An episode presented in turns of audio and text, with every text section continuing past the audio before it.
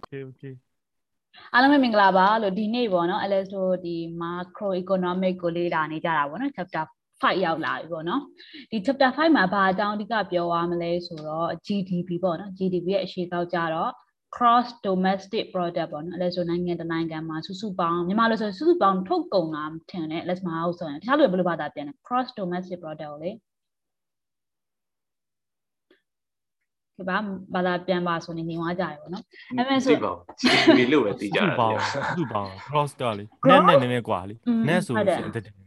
อืม cross ကအကုန်ပေါ့နော်အကြမ်းမြင့်ပုံစံမျိုးပို့ပေါက်မှထင်တယ်ပြောချင်တာလေအဲ domestic ဆိုတာ domestic ဆိုတာနိုင်ငံဒီပြည်တွင်းပုံစံမျိုးပေါ့နော်ပုံစံမျိုး domestic flight တွေပဲအကြောင်းမှာပါလားလဲဆိုဒီ international flight တို့ domestic flight တို့လေစိတ်မှာလေစိတ်ထားမိတာအဲ့ဒီကနေတူတူပဲပေါ့ domestic ဆိုတာဒီတနိုင်ငံလုံးမှာပေါ့အဲ့လိုပုံစံမျိုးပြည်တွင်းတစ်ခုလုံးမှာလို့ပုံစံမျိုး product ဆိုတာဒါကိုထုတ်ကုန်ပစ္စည်းလို့လေးပေါ့နော်တနိုင်ငံလုံးရဲ့ဒီ production power လို့ပြောလို့ရပါဘူးဘယ်လောက်ရှိလဲကိုနိုင်ငံ GDP ကဘယ်လောက်ရှိလဲဆိုခဏခဏအကြားမှာပေါ့ဒီနံပါတ်ကအဲ့လိုဆိုတော့ဒီမှာဆိုရင်သူကအိမ်ဘယ်လဲဆိုတော့ဗာပေးထားလဲဆိုတော့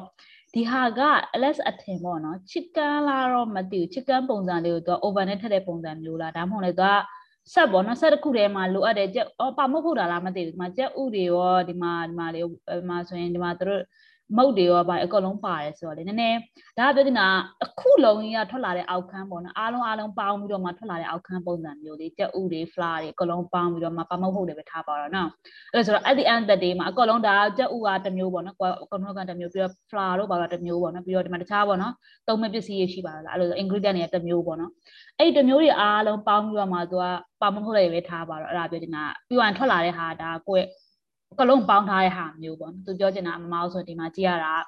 လက်ဆိုဒီလိုမျိုး individual အားလုံးကနေပြီးတော့ total စုစုပေါင်းထွက်လာတဲ့ output ပုံစံမျိုးပေါ့နော်အဲဒီမှာဆိုသူရဲ့သူပြတဲ့ Isabel ဆိုတော့တော်တော်ဆိုးဆိုးဝါးဖြစ်နေတဲ့ Isabel လေးပေါ့နော်မီတူဝါတဲ့အဆင့်အောင်ရောက်ပါတယ်ပါမထုတ်တာလုံးဝတူဝါတဲ့ပုံစံမျိုးဆိုတော့လေဆက်ကိုကောင်းကဒီဆက်ကပြောရမယ်ဆိုတာ central bank လို့ပဲမြင်စီမြန်လာဆိုအကြမ်းမြင်ပေါ့နော် lesson လေးတော့နည်းနည်း like ပြီးတော့ interpret လုပ်ကြည့်နေတာပါလို့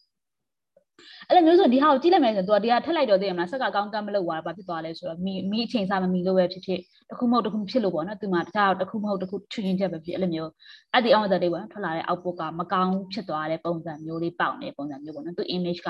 ဘာကိုပြောချင်မှတော့မသိသေးဘူးပေါ့နော်ဒီတိုင်းပဲသူသူပြတဲ့ cartoon ရဲ့ image ကိုနည်းနည်းပြောပြောကြည့်တာပေါ့ဒီမှာဆိုအဲ့ disgusting ဆိုတာဒါဘာမှစုပ်ပြတ်တတ်တဲ့ပုံစံမျိုးပေါ့နော်မကောင်းလို့ပြောတဲ့ပုံစံမျိုးပေါက်နေဆိုတော့ and we make it at home သူပြောချင်တဲ့စကားလုံးက irony ပုံစံမျိုးလေးကွာ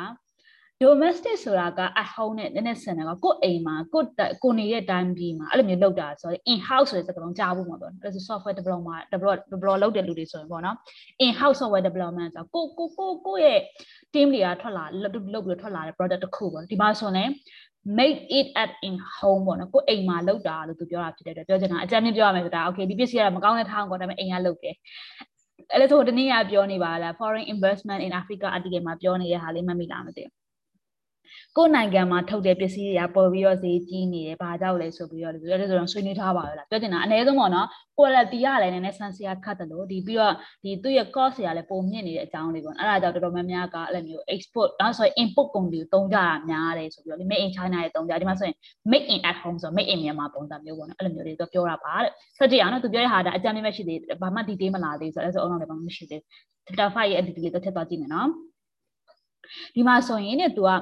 if you want to measure the economic power of a country နိုင်ငံတနိုင်ငံရဲ့ economic power ကို measure လုပ်ချင်တဲ့ဘယ်လိုလုပ်လဲဆိုတဲ့အကြောင်းပေါ့နော်အမှဆိုရင် a good place to start with a cross domestic product ပေါ့ဒီ GDP နဲ့ကိုအရင်ဆုံးတိုင်းတာတာအကောင့်ဆုံး measurement ပေါ့နော်ဒီ GDP ဆိုတာလည်း number တစ်ခုထွက်လာမှာလေအဲ့ဒီ number ကဒီနိုင်ငံရဲ့ economic power ဘယ်လောက်ရှိနေလဲဆိုတာတိုင်းတာတဲ့ပုံစံမျိုးလေးပေါ့နော်သူက ဒါ measure ပဲ measure လုပ်ရမယ့်အရာတစ်ခုအနေနဲ့မျက်စိရမြင်စေခြင်းတို့ပြောပါတယ်ဒီ GDP အားလုံးပေါင်းလိုက်ကိုနိုင်ငံကတော့ဘယ်လိုမျိုးဖြစ်နေလဲပေါ့နော် economic power ဘယ်လိုမျိုးရှိနေလဲအဲ့ဒါတွေကိုပြောချင်တာပေါ့နော်အမှန်မှန်တော့ဒီ GDP ကလည်း indicator တစ်ခုပေါ့နော်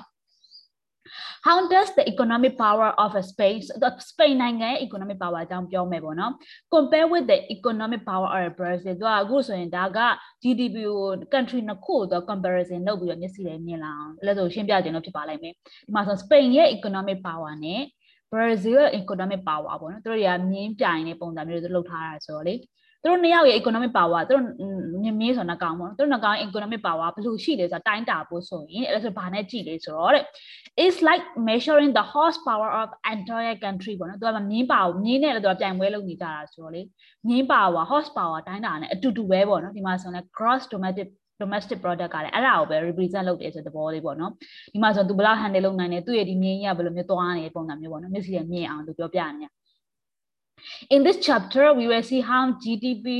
share light on the short term stability ဒီမှာဆိုရင်က economic လက်လက်ခါကြာရင်လေ short term နဲ့ long term ကလည်းထွက်ပြေးလို့မရဘူးပေါ့နော်အများအားလို့ရေရှည်နဲ့ရေတိုအများအားတွေးရမယ်ပေါ့ဒီမှာသူပြောချင်တာ GDP က short term stability ပေါ့နော် stability ဆိုတဲ့စကားလုံးလည်းဆိုတစ်ခေါက်ပါလဲကြည့်ပြီးပေါ့နော် stability ဆိုတာတေချာလေး smoothly run နေတာကိုပြောချင်တာပေါ့နော် financial service financial system တစ်ခုက stable ဖြစ်နေတယ်ဆိုရင်သူကပုံမှန်လေးသူကလဲပတ်မှုရှိနေတယ်သူ့မှာအဲ့လိုမျိုး chaos တွေပိုင်းဖြစ်မလာဘူးပေါ့နော်ပြောကနဲ့ accident တစ်ခုဖြစ်လာလို့လုံးဝ back run နေဖြစ်တာမျိုးမဖြစ်လာဘူးပုံစံမျိုးပေါ့နော်အခုလက်ရှိ situation လို့မဟုတ်ဘူးနော်မြန်မာနိုင်ငံ situation လို့မျိုးမဟုတ်ပြောချင်တာ stability ဖြစ်တယ်ဆိုတာသူ့မှာလုံးဝပုံမှန်လေးလဲပတ်နေရပေါ့နော်ဒီမှာဆိုရင် तू က short term stability ကိုသူကပို့ပြီးတော့မြင်သာထင်သာရှိစေတယ်ပေါ့နော်ဒီဒီဟာကို GDP အကြောင်းပို့နားလည်ပြီဆိုရင်လည်းအမှ she like ဆိုတော့လည်းဆိုပို့ပြီးတော့မြင်သာအောင်ပြောမယ့်ပုံစံမျိုးလေးပေါ့နော်အဲ့လိုမျိုးရင်မဟုတ်ဘူးသူ short term stability ကိုလည်း represent ပြရတယ်လို့ short long term grow ပေါ့နော် economy ကိုလည်းဆိုပြောပါလားပုံမှန် long term မှာသူအမြဲတမ်း grow ဖြစ်တယ်ဒါပေမဲ့ short term မှာဆိုရင်သူကအဲ့ဒါ light နေရတယ်အလုပ်ရှုပ်တယ်ပေါ့အဲ့ဒါမျိုးတစ်ချက်ပြောတာဆိုတော့လေပုံမှန်ဆိုရင်လည်း GDP ကိုကြည့်ချင်းအားဖြစ်ပေါ့နော်ရေတိုတွင်းမှာဖြစ်ပျက်နေတဲ့အဲ့လိုမျိုး stability ဘယ်လိုဖြစ်အောင်လုပ်မလဲဆိုတော့နည်းနည်းကွာ ဘယ်လိုလုပ်ကောင်းမလဲအဲ့ဒါ idea ရနိုင်တယ်ပေါ့နောက်တစ်ခါကျတော့ long term growth တွေဘယ်လိုရှိမလဲ IMF ခဏခဏအဲ့လိုမျိုး economic growth တွေဘယ်နိုင်ငံကဘယ်လောက်တိုးမှာပဲဘယ်နိုင်ငံကတော့ဘယ်လောက်ကျုပ်သွားပါမယ်အဲ့လိုမျိုးခဏခဏပြောပါတော့လားအဲ့လိုမျိုးတွေဆိုတော့လေအဲ့လိုမျိုးဟာနဲ့ပတ်သက်ပြီးတော့ဒီဟာနဲ့ဘယ်ဟာအဓိကထားပြီးလဲဆို measure လုပ်ကြလဲဆိုတော့ GDP measure လုပ်တယ်ဆိုတဲ့ဘောလေးသူပြောသွားတယ်ပေါ့နော်ဒီမှာဆက်ကြည့်မယ်နော်သူဒီမှာနောက်တစ်ခုသူပြောမယ်ခုနကလည်းဆိုမြင်းပြိုင်ပွဲပဲပြန်ကြည့်မယ်နော် is this economy spinning အဟာအရှိကိုသွားနေတာပေါ့အရင်အရှိကိုသွားနေ or တဲ့ is it collapsing collapsing ဆိုတော့ပြိုကျသွားတဲ့ပုံစံမျိုးလားပေါ့နော်ဒီမှာပြောကြဒီမှာမြင်းပြန်ဝဲဆိုတော့မြင်းကလဲသွားတဲ့ပုံစံမျိုးသူပြထားတယ်ပေါ့နော် where the economy continue to run and run ဒီမှာ run and run ဆိုတာဒါအမြဲ grow grow grow ဖြစ်နေတဲ့ပုံစံမျိုးပေါ့နော် and run and run အဲ့ဒီပုံစံမျိုးအဲ့ဒီမှာ run and run run and run ဆိုကြည့်မယ်ဆိုရင်ဘယ်လောက် run နဲ့နှုံးပေါ်တော့ပြောချင်တာဖြစ်ပါလိမ့်မယ်အဲ့ဒါအထင်ပေါ့နော် but first uh, let's learn how to calculate GDP ပေါ့ GDP ဘယ်လို calculate လုပ်ရမလဲဆိုတော့အဲ့ဒါလေးလာကြမယ်ပေါ့နော်ဒီထိတော့ရှင်းကြလားအဆင်ပြေကြလားမသိဘူးပြောရတယ်ဟုတ်ရှင်းပါလေ Okay ဒီမှာဆိုရင်သူကလည်းဆိုဒီ GDP ဘယ်လို calculate လုပ်မလဲဆိုတဲ့အကြောင်းပြောမယ်ပေါ့သူကပြောတာပါ There's a three approaches တဲ့အဲ့ဆို3 3ခု3ခုရှိရပေါ့နော်တစ်ခုကပါလဲဆိုတော့တဲ့ there is all equally good way to measure economic power ပေါ့နော်ဒီသုံး method သုံးခုလုံးကတကယ်ကောင်းတဲ့ measurement measure လုပ်ရတဲ့အပြင် criteria လို့ပြောလို့ရတယ်လို့ measure လုပ်တဲ့ method တွေပေါ့နော် value added အကြောင်းပြောတယ်ဒီ value added ဆိုတဲ့စကားလုံးကဒီမှာဆို value ဆိုတဲ့စကားလုံးကလေနည်းနည်းမြန်မာလိုရှင်းပြခတ်တယ်အဲ့ဒါဆိုသိနားမလဲလို့ဖြစ်ပါလိမ့်မယ် value added ဆိုတဲ့သဘောကသူကရှိပြီးသားဟာတွေကနေပြီးတော့ပို့ပို့ဝေကောင်းတဲ့ကောင်းလာတဲ့ additional ဟာတွေကိုထုတ်လာတာကိုပြောချင်တာပေါ့ value added ဆိုတာ ငါက national income ပေါ့နိုင်ငံနိုင်ငံဝင်ငွေဘယ်လောက်ရှိလဲနိုင်ငံသားရဲ့ဝင်ငွေဆိုရဲကြဲမှာဘာတွေပါလာပြီလဲဆိုတော့ကိုကိုနိုင်ငံထုတ်တဲ့ဟာတွေကိုနိုင်ငံသားတင်ပို့ပြီးရလာတဲ့ဝင်ငွေတွေပါမယ်တခြားအများကြီးပါမယ် national income တွေပါတယ်ဆိုအဲ့ဒါတွေအများကြီးပါမယ် natural resource ကရတဲ့ income တွေလည်းပါမယ်ပြီးတော့နောက်ကဒီမျိုး tax တွေရတဲ့ income တွေလည်းပါမယ်အဲ့ဒါမျိုးပြောချင်တာပေါ့ဒါ national income အကြောင်းပြောသွားတယ်နောက်တစ်ခုက expenditure expenditure ကဘာကိုပြောချင်လဲဆိုတော့ပေါ့နော်အဲ့ဒါဆိုဒီ government ကအသုံးပြုသွားတဲ့ဒီ expenditure ပေါ့နော်ဒီ ဘယ်လိုခေါ်မလဲအဲ့လဲဆိုဒီကြေးလက် data အတွေကိုဖွံ့ဖြိုးတိုးတက်လာအောင်ပေါ့နော် infrastructure တွေလိုမျိုးအိမ် land တွေတို့ပြီးတော့ကျောင်းတွေစောက်ပေးတာတို့ဆေးရုံတွေစောက်ပေးဖို့တုံးတဲ့ budget တွေပေါ့နော်အဲ့ဒါတွေ expenditure လို့ပြောဒါ government expenditure ပေါ့နော်နောက်တစ်ခုကကြာအဲ့လိုမျိုး sector တစ်ခုကို develop လုပ်ချင်လုပ်စေချင်လို့ပေါ့နော် သမင်သက်သက်အမှအဲ့လိုမျိုးသွားပြီးတော့ပတ်စံ site ထုတ် government ပတ်စံ site ထုတ်ချီးပြီးတော့ပေါ့နော်ဒီဘောကတော့လုံးကြစေပုံစံမျိုးပေါ့နော်အတိုးလုံးဝ near zero နဲ့အဲ့လိုမျိုးလုပ်တဲ့ဟာမျိုးပြောချင်တာပေါ့နော်ဒီမှာ expenditure ဆိုတာဒီဒီဟာလေးကိုဒါအဲ့လိုအကြမ်းမြင်နားရတဲ့တော့ပြောနေပေါ့နော်နောက်ပိုင်းကျရင်သူ detail ပြောပါမယ်လို့သူပြောချင်တာဒါ3 method လို့ဖြစ်တဲ့အတွက်တစ်ခုတစ်ခုပဲသူအဒီသုံးမဲ့ထင်ပါတယ်ကျတစ်ခုတွက်မယ်ဆိုဒီဟာနဲ့သုံးမယ်နောက်တစ်ခုတွက်မယ်ဆိုဒီဟာနဲ့သုံးအဲ့လိုပုံစံမျိုးဖြစ်ပါလိမ့်မယ်နောက်ပိုင်းမှာသူ comparison လုပ်မလုပ်တော့အဲ့လိုဆိုမသိဘူးဒါပေမဲ့ချက်ကြည့်အောင်နော်ဒီလိုမျိုး၃ခုရှိတယ်ဆိုတဲ့အကြောင်းလေးပေါ့နော်ဒီက GDP ဆိုတဲ့သဘောတရားက economic power ဒီတောင်ပိုင်းလုပ်နေရဘယ်လောက်ရှိလဲမြန်မာနိုင်ငံကဘာလုံးနဲ့ကွာရှင်းရတော့မှာလေဟုတ်တယ်ဟုတ်ဒီမှာဆိုရင်ပါဝါဆိုပြီးကိုနဲ့သူနဲ့ compare လုပ်မှာကိုကတော့သူ့ထက်တာတယ်သူကကိုယ့်ထက်နှိပ်တယ်အဲ့လိုမျိုးလာမှာဆိုတော့လေနော်ဆက်ကြအောင်လို့ဘယ်လိုမျိုးဖြစ်နေလဲဆိုတော့နော် Okay ပထမဆုံး approach က value added approach ပေါ့နော် value added approach ကဘယ်လိုလဲဆိုတာလေ့လာကြည့်အောင်နော် just as we can measure the value added to the market economy ဒီမှာ market economy ဆိုအဲ့ဒါဆို free market competitive market ကိုပြောနေရနော် market economy အဲ့လိုမျိုးပြောချင်တာဒီ market economy မှာဆိုရင်အကလုံးလိုလိုက buyer အများကြီးရှိရ lot of buyer and lot of seller ပေါ့အဲ့ဒါလေး miss ရမြင်ရမယ် competitive ဖြစ်တယ်လို့ပေါ့နော် basic assumption ရှိရ as we can measure the value added to the market economy each year by the company labor and capital ဆိုတော့ company တစ်ခုမှလည်းသူတို့စီမှာအလုပ်သမားတွေရှိမယ်သူတို့စီမှာ capital တွေရှိမယ်ဒီမှာ capital ဆိုတာသူတို့ရဲ့ investment တွေဒါမှမဟုတ်လည်းသူတို့ရဲ့အဲ့လိုမျိုးအဲထွက်လာတဲ့ကုန်ပစ္စည်းအကုန်လုံးကိုပြောတာပေါ့သူတို့အဲ့ကုန်ပစ္စည်းမှာရောင်းလို့ရတဲ့ငွေအားလုံးသူတို့နဲ့ capital ပြန် utilize လုပ်လို့ရတယ်အဲ့ဒါမျိုးပြောချင်တာပေါ့နော်နေ့တစ်နေ့နေ့တိုင်းမှာပေါ့နော်ကုမ္ပဏီတွေကဘာလုပ်နေလဲအဲ့အဲ့ capital တွေသူတို့ labor အဲ့ဒါပေါ်မူတည်ရင်တစ်ချက်ကြည့်အောင်မျက်စိရမြင်လာအောင်အဲ့ဒါပဲလေနော် last year we spent uh 200 thousand on the floor uh, sorry on the floor chips tomato and electricity ပေါ့နော်သူကြည့်ရ electro company တခုအနေနဲ့ပေါ့အခု electro company ကကြာဘာလုပ်လဲဆိုတော့ဒီ bakery ပေါ့နော်အကြမ်းပြောရမယ်ဆိုရင် bakery လုံးနေတာဖြစ်တဲ့အတွက်အရင်အရင်နှစ်မှာဆိုရင်တဲ့ဘာလို့အဲ့ 2000k ကိုဘာသုံးလဲဆိုတော့တဲ့ cheese တွေဝယ်တယ် flour တွေဝယ်ပေါ့နော်ဂျုံမုတ်တွေဝယ် tomato တွေဝယ်ပြီးအဲ့ဒီ meat တွေနဲ့တုံးခဲ့ရတယ်ပေါ့နော် and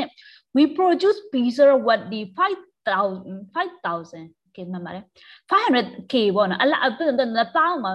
အဲ့ဒါနှစ်တောင်းမဟုတ်မြန်မာလို့ဆိုဘယ်လောက်နှစ်သိန်းလား90ရာထောင်တောင်းသိန်းပေါ့နှစ်ဒေါ်လာနှစ်သိန်း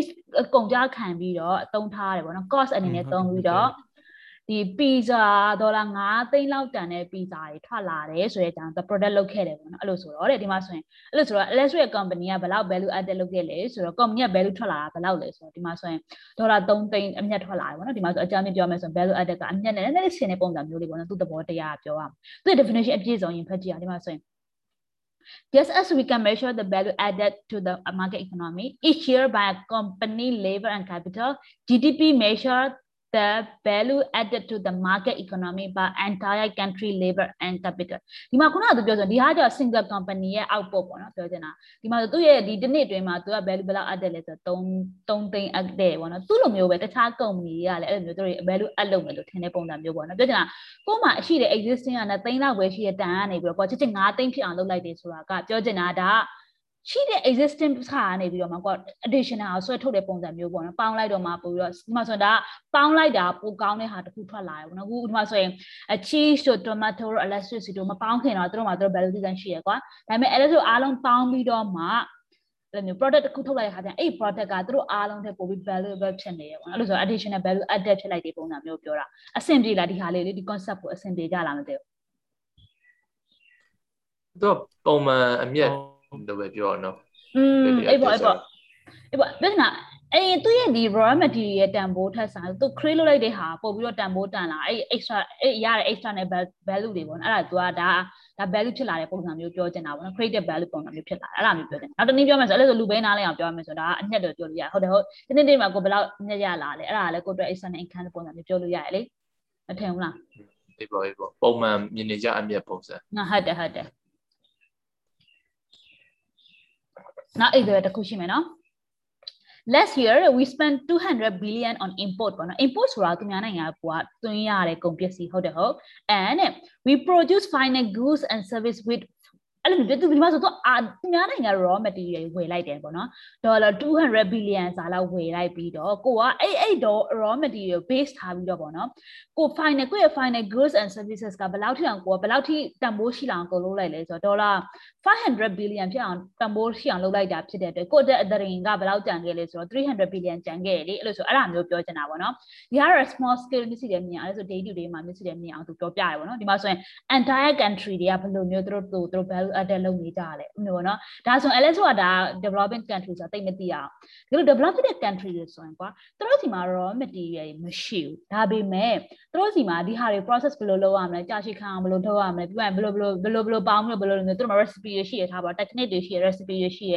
အဲ့လိုမျိုးဆိုသူတို့ကသူတို့ technique ကိုအသုံးချပြီးတော့ LS တို့စီမှာဝယ်တော့သိန်း100လောက်ဝယ်ဝယ်ပြီးတော့သူတို့ technique တွေသုံးတယ်သိန်း1000လောက်တန်လာတဲ့ဆရာသူတို့က create လုပ်နိုင်တယ်ဆိုတာဒါကလည်းသူတို့ဒါသူတို့သူတို့ knowledge နဲ့သူတို့လုပ်တာဖြစ်တဲ့အတွက်အနည်းဆုံးပြောရမယ်ဆိုရင်ဒါ သူတို့ value added ပဲလေအဲ့ဒါမျိုးပြောချင်တာပေါ့နော်သူတို့က200 billion ပဲအသုံးချပြီးတော့သူတို့900 billion ထွက်လာအောင်လုပ်တယ်ဆိုကြလေကသူက300သူတို့အတွက်အဒအဒရင်အမျက်ငွေလို့ပြောလို့ရအောင်ရတယ်ဟုတ်တယ်ဟုတ်ဒီမှာဆိုရင်အဲ့တိုင်းလေးသူပြောတယ်ပေါ့နော်ဒါက value added approach နဲ့တွက်နေတာပေါ့နော်။ဒါဆိုရင်ဒီ import ဆိုတဲ့ဘောကဒီမှာဆိုရင်အဲ့ဒါပုံမှန်ဆိုရင်ကိုယ့်ရဲ့ domestic မှာဆိုရင်ကို local ရက်ဝယ်တဲ့ဟာကိုပြောလို့ပြောလို့ရတယ်ပေါ့။ဒါပေမဲ့ကွာနိုင်ငံလုံးနဲ့ကြည့်မယ်ဆိုရင်အဲ့လိုမျိုးသူများနိုင်ငံကအဲ့လိုမျိုးကွာ import သွင်းတယ်ကွာပြန်ပြီး export လုပ်လိုက်တဲ့အရာကဘာ export လုပ်နိုင်လဲဆိုတာမျိုးပေါ့။အဲ့ဒါဆိုရင်ဒါ GDP နဲ့ထွက်လာတဲ့ပုံစံမျိုးကိုသူပြောတယ်ပေါ့နော်။ဒီဟာလေးကိုနည်းနည်းမြစ်စီမြင်လာကြတာအဆင်ပြေတယ်ပြောရတယ်ဟုတ်အဲ့လက်ဒီကဟိုဟာနှစ်ခုเนาะဒီကအပေါ်ကဟာကျတော့ value added ကြီးကြီးဟာเนาะအောက်ထုကကျတော့သူက ဘယ်လိုမလဲကိုစီယာကိုညာမတော်ဝင်နဲ့ import ဟာပေါ့နော်အဲ့ဆို final output ကို import ပြန်လုပ်တာပေါ့နော်အဲ့အဲ့အဲ့နှစ်ခု concept ဘောရတူတယ်ဒါပေမဲ့ case ကနှစ်ခုနော်အတူတူပဲတူတူပဲ तू ပြောချင်တာ case ကနှစ်ခုကွာဒါပေမဲ့ဒီမှာကြဘယ်လိုလဲဆိုတော့ ဒီပထမတစ်ခုကကြာလဲဆိုတော့တန်မြင်သားတင်တာရှိအောင်သိရမလားကိုရီးယား individual ဆိုတော့လေကိုယ့်ရဲ့ဘေးနားမှာဘယ်လိုဖြစ်နေလဲဆိုတာမြင်တာအောင်ပြောပြပြီးတော့မှ तू က ဒါကလုံးဝ specific အရန်စံနေပေါ့နော်ပြီးတော့မှတနိုင်ငံလုံးအနေနဲ့ဘယ်လိုမျိုးဖြစ်နေလဲဆိုတဲ့အကြောင်းသူကအဲ့လိုမျိုး macro view နဲ့လာပြောပြတဲ့ပုံစံမျိုးပေါ့နော်အဲ raw material သူများနိုင်ငံမှာဝယ်ရဆိုရလို့လည်းမဟုတ်ဘူးဒါပေမဲ့ဝယ်ချင်တဲ့ဝယ်မဝယ်ချင်တဲ့မဝယ်ဘူးဟုတ်တယ်ဒါပေမဲ့အကြမ်းဖျင်းပြောမှဆိုအဲ့လိုသဘောတရားလေးရောက်တယ်ပေါ့နော်နိုင်ငံတနိုင်ငံတကယ်လို့သာစင်ကာပူလိုတနိုင်ငံမျိုးဆိုပါစို့ဟုတ်တယ်ဟုတ်သူတို့စီမှာဆို raw material လုံးဝမရှိဘူးလေ အကြမ်းမြင့်ပြောမှာပါတခြားရှိရင်လည်းရှိမှာ let's ပြောချင်တာအဲ့လိုမျိုးဆိုရင်တို့စီကသူများနိုင်ငံရဲ့ဟာယူပြီးတော့တို့နိုင်ငံပြန်ပြီး export လုပ်လို့ရတဲ့အဆင့်လုပ်တွေဆိုကြတဲ့ဒါမျိုး final output ကတို့တို့အဲ့လိုမျိုးလုပ်တဲ့ဟာဆိုဒါတို့နိုင်ငံဆိုပို့ပြီးတော့မျက်စိနဲ့မြင်ရမြင်တာတိလားအားလုံးလို့တို့က import အနေနဲ့ယူပြီးတော့မှသူများနိုင်ငံ import အနေနဲ့ယူသုံးပြီးတော့မှပေါ့နော်သူထွက်လာတဲ့ဟာကိုသူကဒါသူ GDP နဲ့တော့ပြန်တွက်တာဆိုတော့နှုတ်တာပြီးတော့သူ့ formula တွေမှာ final output minus import လို့သူပြောတာဖြစ်တဲ့အတွက်လေအဲ့လိုမျိုးဆိုဒါစင်ကာပူလိုနိုင်ငံမျိုးဆိုပို့ပြီးတော့မြင်တာထတာရှိနေသူဟာလေးရလေဟုတ်ပြီလား ဒါတော့ဒါကသူပြောချင်တာ The value added approach is the most intuitive way to think about GDP ပေါ့နော် GDP တောင်းတွေးမယ်ဆိုရင် value added approach ကပို့ပြီး make sense ဖြစ်တယ်ပေါ့နော်အဲ့ဒါဆိုတာမှန်ပြည်သူတွေအတွက်ဆိုရင်ပေါ့နော်တခြားလူတွေရော question လေးရှိလားမသိဘူးဒီဟာကိုလေအဆင်ပြေလားရှိပါဘူးဒီပါတယ်အဓိကပြောချင်တာကွာကိုကိုကို technique တွေကိုရဲ့အဲ့လိုမျိုးပဲကို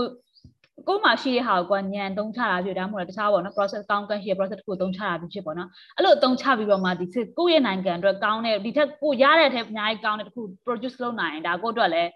ကိုယ့် economy power ရှိတယ်ဆိုအကြောင်းကွာအကြမ်းမြင့်ပေါ့နော်လူလူပိုင်းတွင်းနေချင်းဆိုအကြမ်းမြင့်ကွာမှတ်လိုက်တဲ့ပုံစံမျိုးပေါက်တယ်ကွာဟုတ်ပြီနော်အဲ့လိုပုံစံမျိုးလေးပါပဲအဲ့လိုအမျက်တွေမမျက်တွေ formula ရခဏမရအဲ့လိုဆိုဒီဒီချိန်မှာ formula study လုပ်နေတဲ့ခါမျိုးမဟုတ်ဘူးဆိုတော့လေအနေဆို intuition ပေါ့သိရမလား ကိုကိုနိုင်ငံရဲ့ economic power မြင့်လာဖို့ဆိုရင် one of the thing that you can do is improve for သိရမှာ technique တွေ improve for ကိုယ်စီမှာ natural resource ရှိတာမရှိတာဒါအရင်အရေးမကြီးသေးဘူးပေါ့နော်အဲ့လိုမျိုးအရင်အရေးကြီးတာကိုယ့်ဘက်မှာအဲ့လိုမျိုး systematically တကြ well organized အဲ့လိုမျိုးကောင်းကန်းပေါ့နော်ကိုယ်မှာ raw ရနေပြီအဲ့လိုမျိုး process ဖြစ်လာတဲ့ကုန်ပစ္စည်းထွက်လာအောင်လုပ်နိုင်တဲ့အရေးချင်းရှိတဲ့ knowledge economy ရှိလာဖို့လည်းအရေးပါတယ်ဆိုအနှင်လေးပါပဲအဲ့လောက်ပဲဒီမှာလေအဲ့ဒါဒီဟာလေးကို some value added ဆိုတာအမှန်ဆို knowledge နဲ့ပတ်သက်တာအရင်လိုပဲပေါ့နော် technique တွေ knowledge တွေပြီးသွားရင်အဓိကအဲ့ဒါအဲ့ဒါအဲ့ဒါများများကျွေသွားတဲ့နိုင်ငံတော်တော်များများ value တော်တော်များအနိုင်ကြတယ်ပေါ့နော်ကမ္ဘာလုံးအတွက်ပါခု US ဆိုဘာလို့မှဆိုရင်တို့စီမှာဆိုရင်တို့တနေ့တနေ့တို့ value added service အများကြီးပဲလေဟုတ်တယ်ဟုတ်အဲချားမကြည့်နဲ့ Google ပဲ example ကြည့်တနေ့တနေ့တို့လုံးဝအဲ့လိုမျိုးတခုမဟုတ်တခုတို့ train နေတာပဲဒီအချိန်နဲ့ဒီဒီလူတွေပဲသုံးချပြီးတော့အဲ့လိုမျိုးအဲ့လိုမျိုး innovation တခုမဟုတ်တခုလုပ်တာဒါတွေက value added service လို့ပြောလို့ရတယ်လေဟုတ်တယ်အဲ့ဒါမျိုးပြောချင်တာပေါ့နော်အဲ့ဒါအဲ့လိုမျိုးများလုံးနိုင်နေပြီလေကိုယ်နိုင်ငံရဲ့ economic power မြင့်လာနေပြီပေါ့နော်အကြမ်းမြင်အဲ့လိုမျိုးမှတ်လို့ရပါတယ်လို့ ဟုတ်ပြီနော်နောက်တစ်ခုသွားမယ်အဲ့ဆိုနောက်တစ်ခုကကြပါလဲဆိုတော့ဒါ approach တွေပေါ့ different approach တွေပြောနေကြတာပေါ့နော်ပုံမှန်အများဆုံး approach ကပါလဲပြီးတော့မှလဲပြီးတော့ပြန်ကြည့်မယ်ပေါ့နော် test form တွေမှာပါတဲ့ approach ကပါလဲဆိုတော့ပြီးတော့မှပြန်ပြီးအသေးသေးကြည့်ကြအခု second approach ကိုသွားဒီ second approach မှာသူကဘာပြောလဲဆိုတော့ the national income approach ပေါ့နော်နိုင်ငံတကာနိုင်ငံရဲ့ဝင်ငွေအကြောင်းသူပြောသွားတယ်ပေါ့ကြည့်အောင် every dollar of a value added add up in somebody pocket ပေါ့တခြားလူတယောက်ရဲ့ဒီ pocket တွေမှာရောက်လာမယ်ပေါ့ဆိုတော့ GDP also measure a national income တဲ့ our total value added is 300 billion including labor income of 200 billion and capital income of 100 billion အဲ့လိုပုံစံမျိုးပြောချင်တာကွာကို့မှာကိုကဒေါ်လာ3 300 billion လောက်လိုက်တယ်ဆိုပေမဲ့အမြတ်ရတယ်ဆိုပေမဲ့ပေါ့နော်အဲ့ဒီအမြတ်တွေကလည်းကိုကအကျွေးရှင်တွေပြန်ပေးရမယ်ကွာအ ကျွေးရှင်တွေကိုပြန်ပေးရမယ်ပြီးလဲပြီးရင်ကိုကကိုကိုအကျွေးရှင်တွေပေးရမှာရှိကိုကိုကိုအဲ့လိုမျိုးဟာကိုလုပ်ပေးတဲ့အလုပ်သမားတွေကိုလည်းပြန်ပေးရမှာရှိတယ်ပေါ့နော်အဲ့ဒါအပြင်အဲ့လိုမျိုးကိုကဒီဟာကိုလုပ်တော့မီးတွေပိုင်းဝယ်ရတယ်ဘာဖြစ်တယ်ညာဖြစ်အကလုံးပေါ့နော်အကလုံးရှိတဲ့ cost တွေအားလုံးထည့်ပြီးတော့အဲ့လိုလုပ်ရတာဆိုတော့ပြောချင်တာအမြတ်ထွက်လာရင်လည်းဒီပတ်စံသူများရဲ့ဒီပြန်ဝင်သွားပြီကွာအဲ့လိုမျိုးဒီပတ်စံလေးဟာထဲမှာရှိနေတာမဟုတ်ဘူးနော်ရတဲ့ဟာတွေလည်းကိုကိုပေါ့ကန်ချလို့တရားပေါ့ကတ်ကိုသွားလိုက်မယ်ဆိုတဲ့ပေါ့ပေါ့ဒီမှာဆိုအဲ့ဒါကြောင့်သူကပြောတာခုနကရခဲ့တဲ့ value add အကလုံးလို့လို့ပါတဲ့ amps up in somebody pocket ပေါ့နော်တခြားလူတယောက်ရဲ့ pocket တွေဝင်လာမှာပေါ့နော်သူတို့တွေကလည်းအမျက်လိုချင်လုပ်နေတာလေအဲ့လိုဆိုအမျက်ရရင်သူတို့ကြည့်ဝင်လာပဲလေအဲ့ဒါမျိုးပြောချင်တယ်ပေါ့နော်အဲ့ လိုဆိုတော့ဒီမှာဆိုရင်သူကဒီမှာ300 billion အမျက်ရတယ်ဆိုတော့တဲ့200 billion ကိုသူ link labor ဘက်ကိုပေးရတာမျိုးလည်းရှိရပေါ့နော်နောက်တစ်ခုကကြာ100 billion capital လုံးဝ investment လုပ်ထားတဲ့ investor တွေပေးရတာမျိုးလည်းရှိရဆိုတော့တဲ့သူအဲ့လိုမျိုးပြောတယ်ပေါ့နော်ဒီမှာဆိုရင်တဲ့နောက်တနေ့ GDP ဘယ်လိုတွက်လို့ရလဲဆိုတော့တဲ့ labor income plus capital income အဲ့နှစ်ခုပေါင်းလိုက်ရင်လေခုန3 300ကိုပြန်ရမယ်ဆိုတဲ့အကြောင်းလေးသူပြောရတယ်ပေါ့နော်ဒီလိုမျိုးလဲဒါပြောမနေကြည့် make sense ဖြစ်တယ်လို့မြင်တယ်ပေါ့နော်ဒီမှာဆို the national income approach is to follow the money ပတ်စံပတ်စံဘယ်သွားနေလဲဆိုတော့ကြည့်ဖို့အတွက်ပေါ့နော်အဲ့ဒါမျိုးကြောင့်တို့ကဒီဟာကို ဒီဒီ flow ကိုလည်းသူကလက်မျိုးလည်းတွက်လို့ရတယ်ဆိုတော့ပြောတယ်ပေါ့နော်ဒီဟာလေးက miss ရမြင်ကြလားဒီ national income approach ကိုလေอืมမြင်ပါတယ်သူကမန်နေကကအဲ value attack ကိုပဲဒီနောက်အမြင်တစ်ခုနဲ့ပြန်မြင်တဲ့ဥစားပဲနော်อืมอืมခုနခုနတော့ပြန်ပေါင်းလိုက်ရင်လေ GDP ကဟိုဟာပဲထွက်မှာပဲလေဒီ3သိန်းပြန်ပြထားပါပဲနော်อืมอืม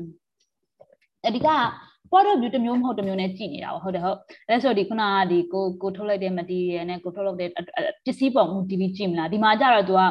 ထွက်လာတဲ့ဒီခုနကပေါ့နော်ကိုထွက်လာတဲ့ကို produce လုပ်လိုက်တဲ့ value တွေကဘယ်သူစီသွားနေလဲ flow flow of money ပေါ့နော်ပြန်နာဒီပတ်စံဘယ်ကိုဘယ်လိုသွားနေလဲဆိုတော့စီစစ်မှုကိုသူဦးစားပေးပြီးကြည့်တဲ့ method ပေါ့နော်ဒီမှာဆိုသူ့ရဲ့ဒီအောက်မှာသူရေးတာကကြတော့ follow the money ကိုပတ်စံဘယ်ကိုသွားနေလဲဘယ်သူစီရောက်နေလဲဆိုတော့အဲ့ပတ်စံတွေသွားနေလို့ရတယ်ကိုယ်နိုင်ငံမှာဆိုရင်ဒါကောင်းတယ်ပေါ့နော်အဲ့လိုမျိုးမဟုတ်ဘဲနဲ့အဲ့ဒီဟာက investment တွေက foreign investment တွေဖြစ် flow of income ဘယ်သူတွေသွားနေလဲ foreigner တွေသွားနေကိုယ့်ရဲ့နိုင်ငံ GDP မတက်လာတာမျိုးလည်းဖြစ်ကောင်းဖြစ်နိုင်တယ်ပေါ့တွေးမိတာပါတခြားလူတော့တွေးမိလားမသိ သူကဒီမှာဆိုရင်ကွာ labor income နဲ့ capital income လို့သူပြောရမှာ what if the capital income come from different country not from our own country အဲ့လိုမျိုးဆိုရင်ရောကိုယ့်ရဲ့ GDP နေအောင်မထင်ဘူးလားอืมထင်ပါတယ်อืมဟုတ်တယ်နော်လေဒီတကယ်ရအောင်မြင်ရတာပြန်အကျွေးတွေညပေးလိုက်ရတာဟုတ်တယ်ပါဝါလေနော်ဟုတ်တယ်ဟုတ်တယ် အဲ့ဒါအဲ့ဒါ foreign investment ဆိုတာလည်းပေါ့နော်သူမှာ good point and bad point ပေါ့နှစ်ခုလုံးရှိပါတယ်အဲ့လိုမျိုးဆိုတော့ဒါအာ foreign investment လာတိုင်းကောင်းတယ်ကောင်းပဲပေါ့ဒါအဲ့လိုမျိုးတွေအများကြီးရှိရပေါ့နော်အဲ့ဒါဆိုမမြင်ရမမြင်ရသေးတဲ့ point တွေလည်းအများကြီးရှိနိုင်ပါတယ်လို့နော်နောက်တစ်ခုကြည့်မယ်နော်နောက်ဆုံး approach ကတော့လည်းဆိုခဏခဏတွေ့တဲ့ approach ပေါ့နော်သူက approach ကပါလဲဆိုတော့ဒီခုန final output ကိုပဲပြန်ပြတ်မယ်ပေါ့နော် the expenditure approach to see how GDP related to expend expenditure ဒါဘလို့တန်ထွက်လဲ expenditure လား expenditure expenditure တမှာရဲ့ we start with the value added approach ပေါ့နော်ဒီအမှဆိုဒီ expenditure ဆိုဟာလေ define ပြမယ်ဒီလားမမြင်တဲ့လူတွေရှိမှာဆိုတော့เนาะ define လေးပြဘာကိုပြောချင်တာလဲဆိုတာလေเนาะ expand ဒီရတယ် expenditure ဆိုတဲ့အဲ့ဒါစကားအတန်းတော့ expenditure expenditure ကဘာကိုပြောလဲဆိုတော့တဲ့ the action of spending fund ပေါ့နော်ဒီမှာဆို government fund လို့ပြောလို့ရတယ်ပေါ့နော် private fund ဖြစ်မယ် government fund ဖြစ်မယ်ပြဿနာဖြစ်မှာပေါ့နော်အဓိကဒီ expenditure or taxpayer ပတ်စံတွေပေါ့ tax ပေးထားတဲ့ဘလူရဲ့ပတ်စံဘယ်လိုမျိုး spending လုပ်တယ်အဲ့ဒါမျိုး expenditure လို့ခေါ်တယ်ပေါ့နော်ခုန Alex ပေးသွားတဲ့ example ရဆိုရင်လန်ဒရာကောင်းမှုအောင်လုပ်တာတို့ပြီးရင်မြစ်တွေမြစ်တွေကိုပေါ့နော်မြစ်အောင်ဖြစ်တယ်ဗါလေတရားတွေစောက်တာတို့အဲ့လိုမျိုးတွေပေါ့နော်ဒီတရားတွေပါစောက်တယ်ဆိုတာ Amazon ဒါကဒီ communication ပေါ့နော် communication ဆိုတာတနည်းတနည်းသွားတာဘယ်လိုခေါ်ပါလဲ moving အတွက်လေသုံးတာပါစကားတစ်လုံးရှိပါလဲအုံတော့လည်းပေါ်လာအောင်။ဘာခေါ်လဲ transportation transportation ရ transportation ကောင်းလာဖို့အတွက်လေအဲ့လိုမျိုးလောက်တာတွေရတယ်အရင်ရေးကြီးကြေးရွာတစ်ခုက develop ဖြစ်လာဖို့ဆိုရင်သူစီမှာပထမဆုံး machine နဲ့ရှိရမှာဒီ transportation ပေါ့နော်လွယ်လွယ်ကူကူနဲ့တနေရာနဲ့တနေရာအဲ့လိုမျိုးသွားလာဖို့ကဒါမဖြစ်မနေ essential တစ်ခုပေါ့ပဲဆိုတော့သူ့မှာလည်းပစ္စည်းအများကြီးသူထုတ်ကောင်းထုတ်မယ်ဒါပေမဲ့သူ့မှာရောင်းဖို့ဆိုရင် big market ကိုသွားဖို့အတွက်သူ့မှာ transportation အဲ့လိုမျိုးပေါ့နော် easy မလုပ်ထားပဲဘူးဆိုရင်သူ့ရဲ့ဟာတွေကသူကကောင်းကောင်း ကောင်းက competitive price ကိုသူရမှာမဟုတ်လေဟုတ်တယ်ဟုတ်ဒီ market ကလူနဲ့ဒီလူနဲ့ပဲသူကလုံနေရဆိုတော့သူအလောက်သူသူသူရဲ့ထုံးကုန်လေသူများများထုတ်လာလို့မရဘူးဖြစ်တဲ့ပုံစံမျိုးတွေပေါ့နော်ဒီ transportation မရှိတာကလည်းပြောရမယ်ဆိုရင်အရန်အရန်နိုင်ငံတိုးတက်ဖို့အရန်ခက်တဲ့ case တွေပေါ့အဲ့ဒါကြောင့်ဒီ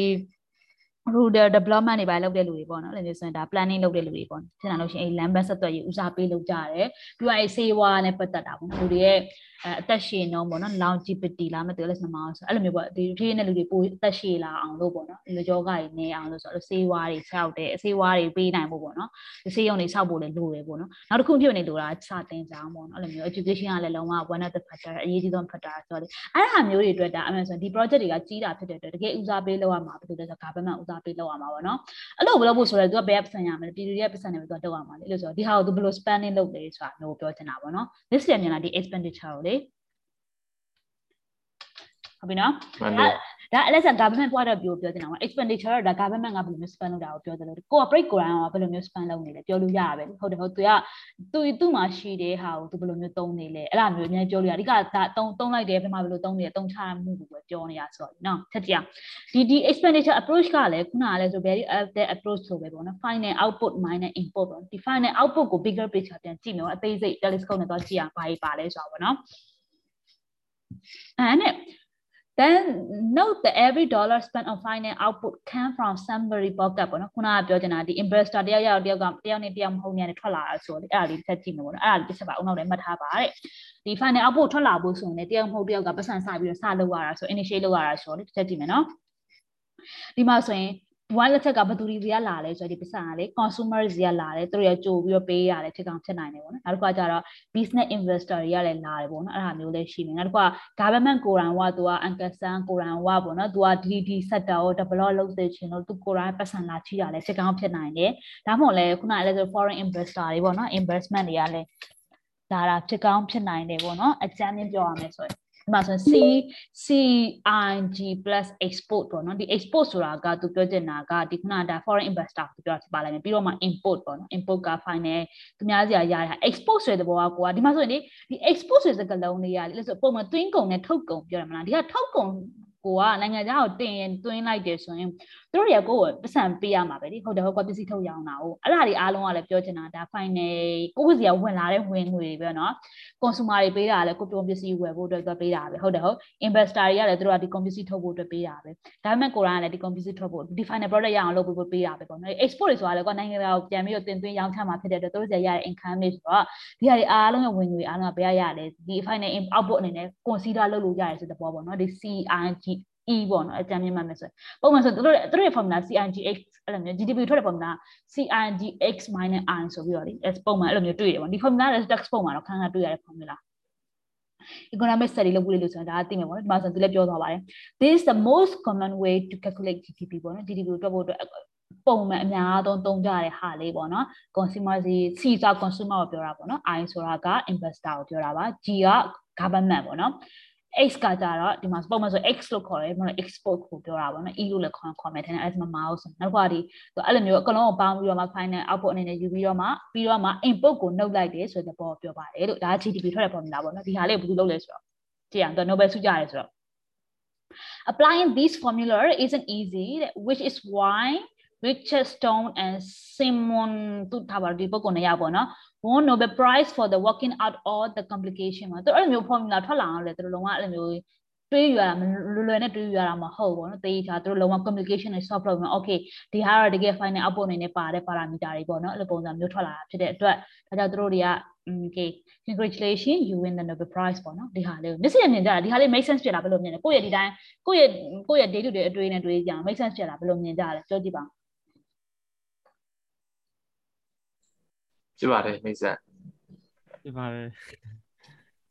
ဟွန်းခင်ဗျားတို့ရေနော်မိတ်ဆက်မဖြစ်ဘူးပြောမယ်ပြောခိုင်းရင်လုံးဝ question ထုတ်ခိုင်းပြီးတော့လုံးဝရှင်းခိုင်းမှာမလို့လားလုံးဝ make sense ဖြစ်တယ်လုပ်နေကြရနော်လဲလိုက်လို့ဟုတ်လေဟိုအခုကဒီကဟိုအပုတ်ကိုအပုတ်ဆိုတော့လာသမျှပတ်စံအကုန်လုံးပေါ့ဘယ်သူစီရလာလာအပုတ်ပေါ့ အဲ့ဒီကတည်းကအဲ့လိုလို့အဲ့ပေါ့အဲ့ပေါ့ဆက်ကြည့်မယ်နော်အဓိကဒီ CNGX minus i ဆိုတာဒါ formula ပေါ့နော်အဲ့ဒါဒါပုံမှန်တွက်လို့ရတဲ့ဟာလေးပေါ့နော် GDP တွက်မယ်ဆိုအဲ့ဒါပေါ့အဓိက GDP ကိုနောက်တစ်ခါ GDP ဆိုစကားလုံးကိုကြားလိုက်ပြီဆိုတာနဲ့လေဒီကကိုယ်နိုင်ငံက economic power ဘယ်လောက်ရှိတယ်သူများနိုင်ငံတဲ့ဆိုင်အဲ့ဒါမျိုးပေါ့နော်အုံနောက်တယ်အဲ့ဒါပဲအဓိကကြံ formula ပဲအဲ့လောက်ရင်းချီးပေါ့နော်အဓိကကြံခဲ့တဲ့နာကိုယ်နိုင်ငံကသူများနိုင်ငံတဲ့စင်ရှင်ပေါ့နော် ဘလောက်များများ produce လုပ်နေလဲအဲ့ဒါလေးတစ်ချက်ပေါ့နော်ဒါအဲ့ဒါကိုတိုင်းတာတဲ့ measurement တစ်ခုလားအဲ့လောက်လေးကြံခဲ့ရပြီ GDP ဆိုတာနဲ့လေဒီ day ပါလေးလောက်ကြီးဆိုင်ကြမှာအဓိကကို intuition ပေါ့နော်ကိုကဘယ်လိုမျိုးဘယ်လိုမျိုးကြောက်ဒီ GDP ကအရေးပါနေလဲပေါ့ဒီမှာဆိုရင်ဒီကဒီမှာဆိုအားလုံးကြည့်လိုက်မယ်ဆိုရင်ဒီ value added service ကမြစ်စတယ်မြင်သားရတယ်ဟုတ်တယ်ဟုတ်ကိုယ့်စီမှာဒါ assistant ကောင်းကမ်းမရှိ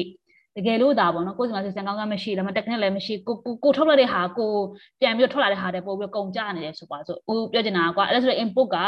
ဒီ final output ထက်ကြီးနေ negative negative sign ပြနေတာကိုယ့် GDP က negative ဖြစ်နေတာကိုယ့် economic power ကလည်း negative ဖြစ်နေတဲ့ဟာမျိုးလေးပေါ့အဲ့ဒါပြောချင်တာဒီ final output ကိုအမြဲတမ်းများတဲ့များလာအောင်လုပ်ဖို့လိုအပ်တယ်ဆိုတဲ့အကြောင်းလေးပါပဲအဲ့လောက်အဲ့လောက်ကြံခဲ့တာတော်တော်လေးရပြီပေါ့နော် GDP ဆိုတာလေဆက်ကြည့်မယ်ပေါ့နော် however you measure it GDP gave a macroeconomic a way to tell a story about entire economy ပေါ့နော်အဓိကကလည်းဆို economics တွေကသူတို့အဓိက intention ကသူတို့ explanation explainable ဖြစ်ချင်တာပေါ့ဒီဟာဘာကြောင့်ဖြစ်လဲ crash ဖြစ်သွားရင် economy က crash ဖြစ်သွားရင်ဟာဘာကြောင့်ဒီကြောင့် crash ဖြစ်သွားတာလဲပေါ့နော်အခု2007 mortgage crash ဖြစ်သွားတယ်ဆိုတာဘာကြောင့်ဆိုတော့ light ရှာတဲ့ပုံစံမျိုးဆိုတာဒီဟာကြီးအကောင်ကလည်းသူ့ကိုနည်းနည်းကုညီပေးတဲ့အရာမျိုးလေးပေါ့နော် a way to tell a story ဆိုတော့ပုံမြင်တစ်ခုပြောလို့ရတဲ့ပုံစံမျိုးပေါ့နော် Mammy tell a story ကလေးအဲကလေးအိပ်ပျော်ပဲလေကလေးတယောက်လာပြီးတော့ဗောနော်အိပ်ရဝင်ပုံမြင်ပြောတဲ့ခါကျရင်အဲ့လိုမျိုး GDP နဲ့ပတ်သက်တာတော့ပြောရင်တော့လားอืม interesting ပေါ့နော်တယောက်တော့ပြောကြည့်ပါလား play ရှစ်လို့တယောက်တော့ပြောကြည့်ပါနော်5.8 trillion 8.4 trillion 10.2 trillion ဒီဟာအကုန်လုံးကဆိုရင်ကကို GDP ကဘယ်လောက် output ထွက်လာတဲ့ number တွေပေါ့နော်အဲ့နဲ့ GDP shed light on everything from healthcare to the side of government to the national debt and no wonder GDP is the most important statistic in microeconomy ပေါ့နော်ဒီဒီက GDP ဆိုကြတဲ့ဒါတနိုင်ငံလုံးခြုံငုံပြီးမြင်တာမျိုးဖြစ်တဲ့အတွက် तू ကအားလုံး describe လုပ်တဲ့ပုံစံမျိုးဆိုတော့လေကိုကတခုခု hacker system အကြောင်းပဲနားလည်ချင်တာမျိုးဖြစ်ဖြစ်ဒါမှမဟုတ်လဲ government site ကဘယ်လိုဖြစ်နေလဲဘာဖြစ်နေလဲပေါ့နော်အဲ့ဒါကိုပဲနားလည်ချင်တာဖြစ်ဖြစ်ဒါမှမဟုတ်လဲနိုင်ငံတနိုင်ငံမှာ तू ကအကျိုးကြီးဘယ်လောက်တင်နေလဲအဲ့ဒါကိုပဲနားလည်ချင်တာမျိုးဖြစ်ဖြစ်ပေါ့နော်အဓိကပထမဆုံးအနေနဲ့ကြည့်ရမှာတော့ဒီနိုင်ငံရဲ့ GDP ကဘာလဲဆိုကိစ္စပေါ့နော်ချက်ကြည့်အောင် hacker system နဲ့ပတ်သက်တာချက်ကြည့်မယ်နော် Hacker spending in 2008 was the only 8% of GDP in Finland ပေါ့နော် hacker ကိုသူက8%လောက်ပဲသုံးတဲ့ပုံစံမျိုးပေါ့ဒီ hacker ကိုဘယ်လောက် percent သုံးမဲပါမယ်ဆိုတာကလည်းအမှန်ဆိုကို့မှာထွက်တဲ့စုပေါင်းထွက်ကုန်ထွက်ကုန်ဆိုခုန final input ရှိမယ်ခုန GDP value တစ်ခုထွက်လာထားပါတော့ကိုကစုပါပုံမှန်တာမန်နေနဲ့ပြောရမယ်ဆိုအဲ့ဒါဆိုတော့လူငယ်တွေဆိုတော့လူငယ်တွေတာမန်လူတွေဆိုတော့ကွာ နေ့စီလေကိုကို day to day မြင်နေခုနပါမော Isabel ပါမဖုတ်တဲ့ Isabel တော့ကြည့်အောင်နော်ကိုကအဲ့မှာဆိုရင်ပုံမှန်ဆိုရင်အဲ့ဒါသိန်းနေပဲသွားဒီ trillion billion နဲ့ဆိုအဲ့ဒါဆိုအရင်ကြီးသွားတာကြီးရောလေသိန်းနဲ့သွားကိုကသိန်းနေကအများအရင်စပြီးတော့သိန်း900ထွက်လာအောင်လုပ်တဲ့အတွက်ကိုစီမှာသိန်း300တော့အများဝင်လာပြီဟုတ်ပြီနော်အဲ့သိန်း300ရှိရထားပါအဲ့လိုဆိုတော့သိန်း300ရဲ့8%ထားပါတော့အဲ့လိုဆို GDP ကသိန်း300ထားပါတော့နော်သိန်း300ရဲ့8%ကို electro တွက်လိုက်တဲ့အချိန်မှာ8%က okay တွက်လိုက်တဲ့အချိန်မှာဘာထွက်လာလဲဆိုတော့ အဲ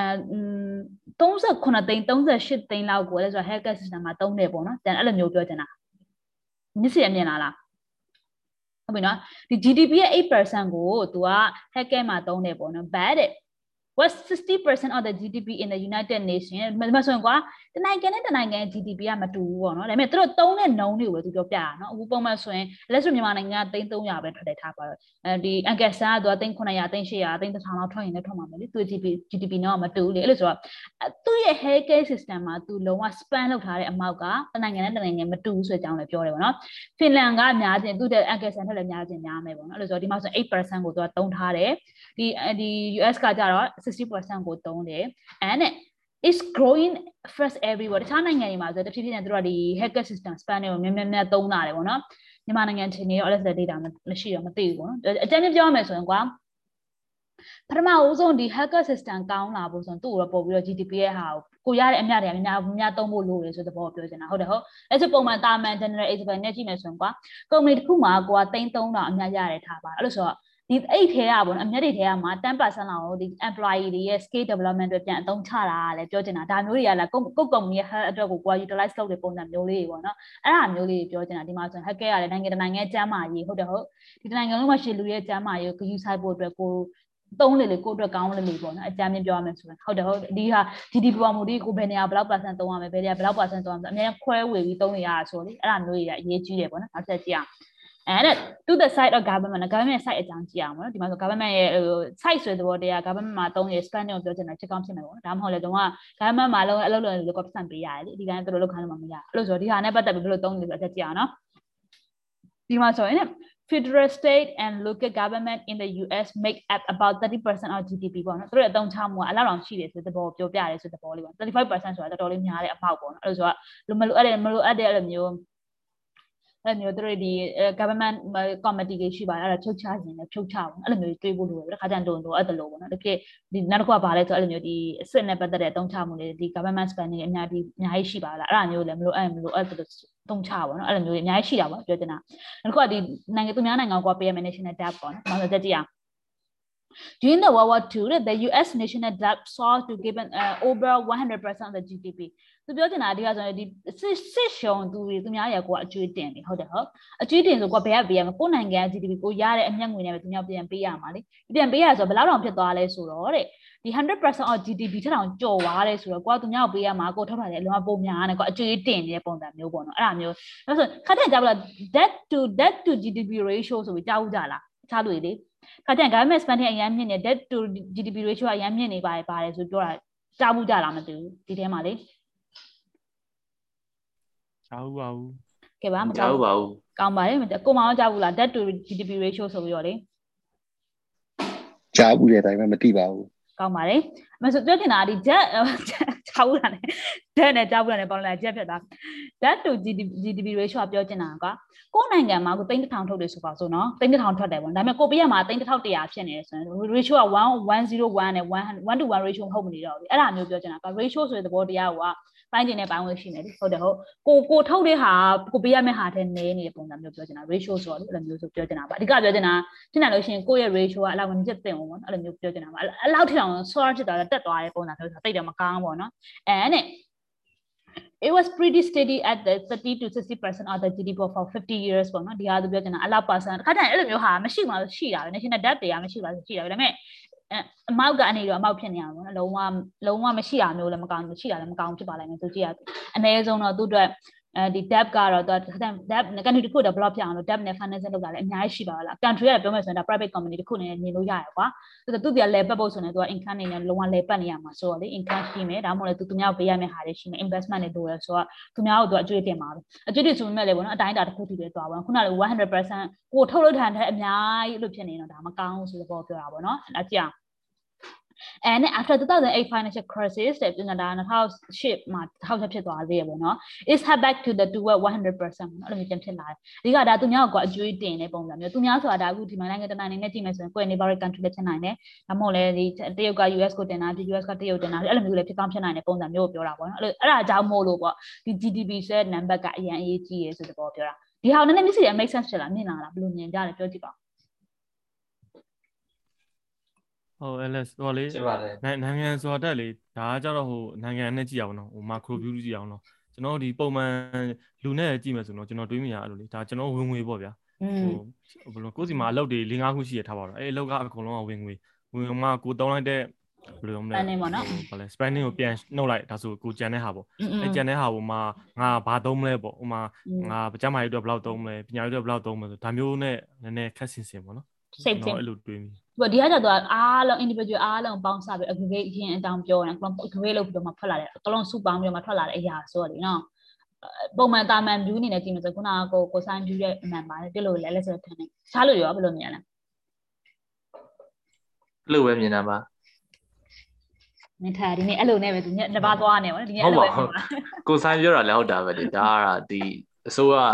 နိုင်ငံတစ်နိုင်ငံနဲ့မြင်ကြည့်တယ်အမှန်တကယ်တော့ တယောက်ချင်းမြင်ကြည့်နေ GDP ရဲ့တဘောတွေကအဲ့လိုပဲဟုတ်တယ်ဟုတ်တယ်အဲ့ဆိုတရားကိုကိုလည်းပြောနေကိုကိုတနိုင်ငံလို့ကိုတွေးလို့ရတယ်ဟုတ်တယ်အဲ့ဆို human being ရတက်တမျိုးစီဆိုတယ်နော်ကြည့်အောင်နော်ဒီမှာဆိုရင်မမေ့သေးလား real real real နဲ့ nominal နဲ့ဘာကွာလဲတရားတော့ပြန်ပြောကြည့်ပါဦး real နဲ့ nominal ကဘာကွာလဲ What's ဒီရ real? ဆိုတာဒီမှာဟိုရုပ်တရက်ကြည့်လို့ရှိရင်မြင်ရတဲ့အမြင်ပေါ့ဟို nominal ကြတော့ဟာဘယ်လိုလဲအဲ့ဟာတွေအကုန်နှုတ်ထားတာပေါ့ ကျန်တဲ့ဟာတွေအတိုတယ်လိုပုံစံမျိုးပေါ့ real ကြအဲကျွန်တော်အဲ့လိုမင်းဘာဘာ cost နှုတ်တာလေဘာနှုတ်တာလုံးခင်ဗျားတို့နှုတ်တာနဲ့မနှုတ်တာနဲ့ကွာနော်ဟုတ်တယ်တခုနော်နှုတ်ထား nominal interest rate နဲ့ real interest rate ကိုရှင်းပြပါအဖြေတန်းရှိနေတဲ့ဟာကိုနော်ခင်ဗျားမဖြေနိုင်အရင်လေးစားသွားပြီလေးစားသွားပြီ interest rate ကိုနှုတ်တာပါလို့ real က inflation inflation ကိုနှုတ်ထားတာအဲ သူက nominal က inflation ပါတယ် real က inflation adjusted လုပ်ထားတယ်ပေါ့နော်ဩ inflation မေ့နေရအဲ့ဆိုတော့อืม inflation မြန်မာလိုဘယ်လိုခေါ်ပါလဲမနေ့ကပဲပေးထားအတကုံပေါ့နော်တနိုင်ခွန်းတနိုင်နီးပေါ့ inflation ကြောင့်ပြောခဲ့ဘူးလေဆိုတော့ inflation ဘာခေါ်ပါသလဲဝင်ကြီးဖောင်းပွား inflation ဆိုငွေကြေးဖောင်းပွားမှုအဲအဲနောက်တနည်းပြောပါကိုဆိုင်ကိုမင်းထပ်ပြောတဲ့စကားလုံးကိုပြန်ရင်တော့နောက်တနည်းပြောလို့ရသေးတယ်လေကျပါအာကုန်သေးတော့မှဖြစ်တာဟိုလေကိုကို ကုန်စင်းလုံးတက်တာကုန်စင်းတက်တာဟုတ်ကဲ့ဒီကပြောချင်တာကသူကဒီမှာဆိုရင်ဗျာဒီ GDP case ကလည်း inflation ပါအောင်မယ် inflation မတွက်ထားတဲ့ဟာလည်းရှိမယ်တွက်ထားတဲ့ဟာလည်းရှိမယ်ပေါ့နော်ချက်ကြည့်အောင်နော် There's, a, there's are also two vari variation on the GDP that help us tell the story of economy. Economy ရဲ့ down ပြော GDP နဲ့ပတ်သက်နှမျိုးရှိတယ်ဒီမှာဆိုရင် real GDP adjusted for inflation. Real ဆိုတဲ့ကလုံးမြင်တာအများက inflation adjusted လုပ်ပြီးသားပေါ့နော် inflation မှာထည့်တွက်ပြီးသားပေါ့ပြောချင်တာပေါ့နော်ချက်ကြည့်အောင်ဒီမှာဆိုရင်လည်း Zimbabwe အကြောင်းသွားမယ်ပေါ့နော် Zimbabwe ဆိုတာမှတ်မိသေးလား तू Do inflation hyper inflation ဖြစ်သွားတဲ့ country No, Zimbabwe ဆိုတာလေ Zimbabwe nominal GDP is 100 trillion and growing fast ပေါ့နော်သူ့ရဲ့ဟာအများကြီးတက်သွားတယ်ပုံစံမျိုးဒါပေမဲ့လေ but when we adjust for the adjusted adjust for the inflation we see that its real has been a declining ပေါ့နော်ပြောချင်တာဒီ inflation ကထပ်မတွက်ဘူးဆိုရင်မျိုးကနေကြည့်လိုက်မယ်ဆိုရင်ပေါ့နော်သူတက်နေတဲ့ပုံစံမျိုးပေါ့နော်အဲ့ဒါဆိုတော့ဒီလိုမျိုး interest rate မှာလည်း9 9%ပေးရဆိုပြီးမျိုးကနေကြည့်လိုက်တော့ဟာအများကြီးဖြစ်နေတယ်ဒါပေမဲ့ inflation နဲ့ adjust လုပ်လိုက်ရောရတာ2%လောက်ပဲစမျိုးပေါ့နော်ဒီမှာဆိုလည်းအဲ့တိုင်းပဲ inflation adjust မလုပ်တော့အော်ဟာအရန်တက်နေတာကောင်းတယ်ပေါ့နော်ထင်ကောင်းထင်နိုင်ဒါပေမဲ့လည်းပေါ့နော်တကယ် inflation adjust သွားလုပ်ပြီးတဲ့အချိန်မှာကြီးလိုက်မယ်ဆိုရင်တဲ့သူ့ရဲ့တကယ် GDP က declining ဖြစ်နေတက်နေတာမဟုတ်ပါဘူးပေါ့နော်အဲ့ဒါမျိုးပြောချင်တာပေါ့နော်ဒါတွေက real GDP နဲ့ nominal GDP ကိုလည်းကိုကသတိထားသင့်တယ်ပေါ့ inflation ကအရန်အရန်အရေးပါတဲ့ concept ပေါ့နော် ဒီမှာဆိုရင်က real GDP ပါတယ်ပြီး real GDP per capita ပေါ့နော်အဲ့စကားလုံးခဏမြင်ရမယ်ဒီနိုင်ငံတစ်နိုင်ငံလူတယောက်ကထုတ်လုပ်ကုန်နှုန်းဘယ်လောက်ရှိလဲဆိုတော့တွက်တယ်ဆိုရင် real GDP per capita ပေါ့နော်အဲ့လိုမျိုးအများတွက်တာရှိရဟိုတနေ့ကလည်းဆိုကိုကိုကိုမိုက်ကယ်လားမသိကိုမိုက်ကယ်လားမသိပြောတယ်ပေါ့နော်မမိလားမသိဘူးအဲ့မှာလေ China ရဲ့ real GDP per capita နဲ့ US ရဲ့ real GDP per capita က US က6ဆလောက်မြင့်နေတယ်လေအဲ့လိုဆိုတော့သူတို့ရဲ့ technology develop လုပ်ဖို့ဆိုရင်သူတို့ရပို့ပြီးတော့ပို့ပြီးမြန်မြန်ဆန်လုပ်နိုင်တယ်ဆိုတဲ့သဘောကိုပြောချင်တာပေါ့ဒီအဲ့ဒါကိုလည်းပြောချင်တာကွာဒီမှာဆိုရင် real GDP per capita တဲ့ adjust for inflation and population မကိုယ်နိုင်ငံမှာရှိတဲ့လူတွေရဲ့တယောက်တယောက်ချင်းစီရဲ့ထုတ်နိုင်တဲ့ဟာတွေရဲ့ပြီးတော့ inflation မှာနှစ်ခုလုံး adjust လုပ်လာတဲ့ဟာကိုကြာ real GDP per capita လို့ခေါ်ရပေါ့နော် China ဒီဟာသူအဲ့ဒါပဲပြောထားပါတယ်ဒီမှာဆိုရင် China real GDP is much bigger than Switzerland ပေါ့နော် Switzerland ထက်အများကြီးကြီးတယ်တဲ့ဒါပေမဲ့လည်းပေါ့နော် but when we measure GDP per capita person ပေါ့နော် capita နဲ့ person တူတူပေါ့တယောက်တယောက်ချင်းစီတွက်လိုက်တယ်ဆိုရင်ပေါ့နော် Switzerland is much bigger ပေါ့နော်ဆိုတော့ရုံးကနေကြည့်လိုက်မယ်ဆိုရင်ဒီမှာသူအလံလေး China အလံပေါ့နော် Switzerland နဲ့သူ့ရဲ့ China ကြည့်မယ်သူတို့လူဦးရေကိုကြည့်လိုက်ပါလား Switzerland ရဲ့လူဦးရေနဲ့ China လူဦးရေ China က1 billion ဒေါ်လာရှိရဟုတ်လေဟုတ်သူ့လူဦးရေကလေ maybe ရုံးကနေကြည့်လိုက်မယ်ဆိုတော့သူရဲ့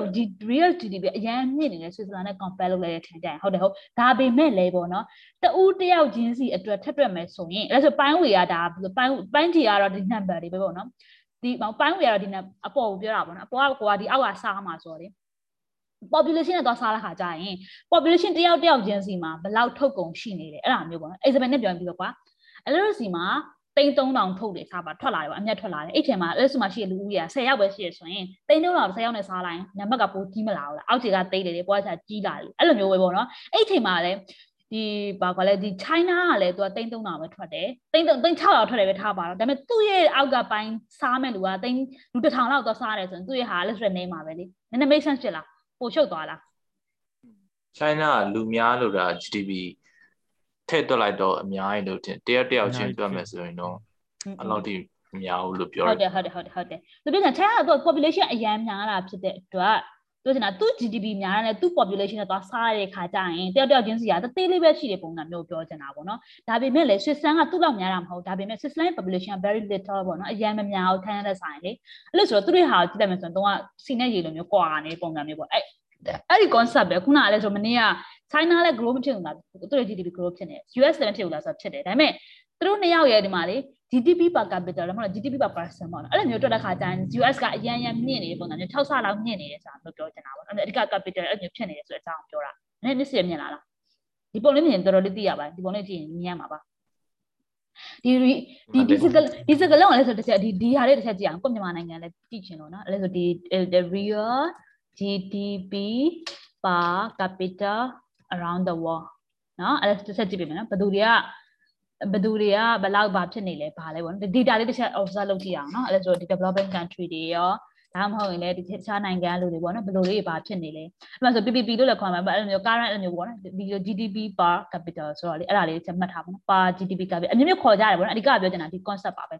ဒီဟာအခုဒီနိုင်ငံကကမ္ဘာဘဏ်ကပေါ့နော် World Bank ကထုတ်လာတဲ့ data ပေါ့နော်ချက်ကြည့်အောင်ဒါကဘယ်နိုင်ငံကလဲဆိုတော့ OECD national ပဲအဲ့ဒါဆိုကြည့်မယ်နော် ဒီမှာပထမဆုံးဘယ်နိုင်ငံစိတ်ဝင်စားလဲပထမဆုံး US ကိုရင်လို့ကြည့်အောင်နော် US က United Nation United sorry United States United States United States မှာ2020မှာပေါ့နော်သူ့ရဲ့တယောက်ရဲ့သူ့ရဲ့ဒီခုန capital ဘာခေါ်လဲဒီ real GDP per capita က6000ကျော်ဖြစ်ပေါ့နော် USD ဒေါ်လာပေါ့နော်အဲ့လိုမျိုးသွားကြည့်ပါဆို United United States နဲ့နောက်တစ်ခုက United Arab Arab တွေသွားကြည့်အောင် Arab တွေဘယ်လောက်ချမ်းသာလဲဆိုတဲ့အကြောင်းပေါ့နော်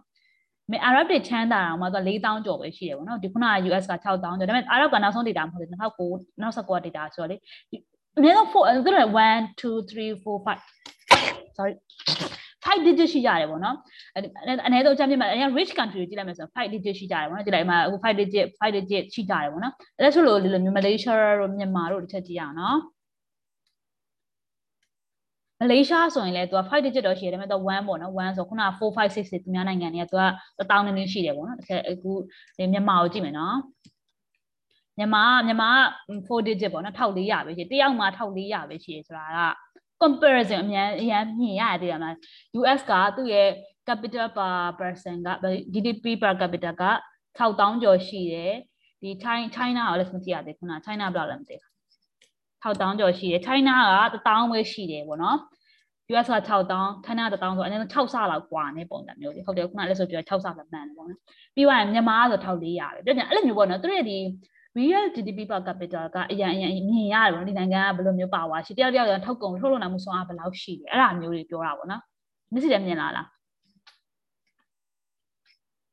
အဲ့ဒါ तू ကတယောက်ချင်းစီကိုတွက်တာနော်ဥမာပြောလို့ရှိရင်အကျန်းပြောရှင်တယောက်ချင်းစီဘယ်လောက်ဝင်လဲဆိုတော့ तू ကအကျန်းပြင်းပြပြနော်ဒီလိုကတော့ဘယ်လိုတွက်လဲဆိုတော့အကျန်းပြင်းပြပြဘယ်လိုတွက်လဲဆိုတော့အခုပထမဆုံးကိုခုနကလည်းဆို3300ဆို3300ရှိရမလားအဲ့3300ရှိတဲ့ဟာဟိုအဲ့ဆို inflation ထပ်တော့ထပ်နှုတ်လိုက်တယ် okay inflation နှုတ်လိုက်တယ်နော်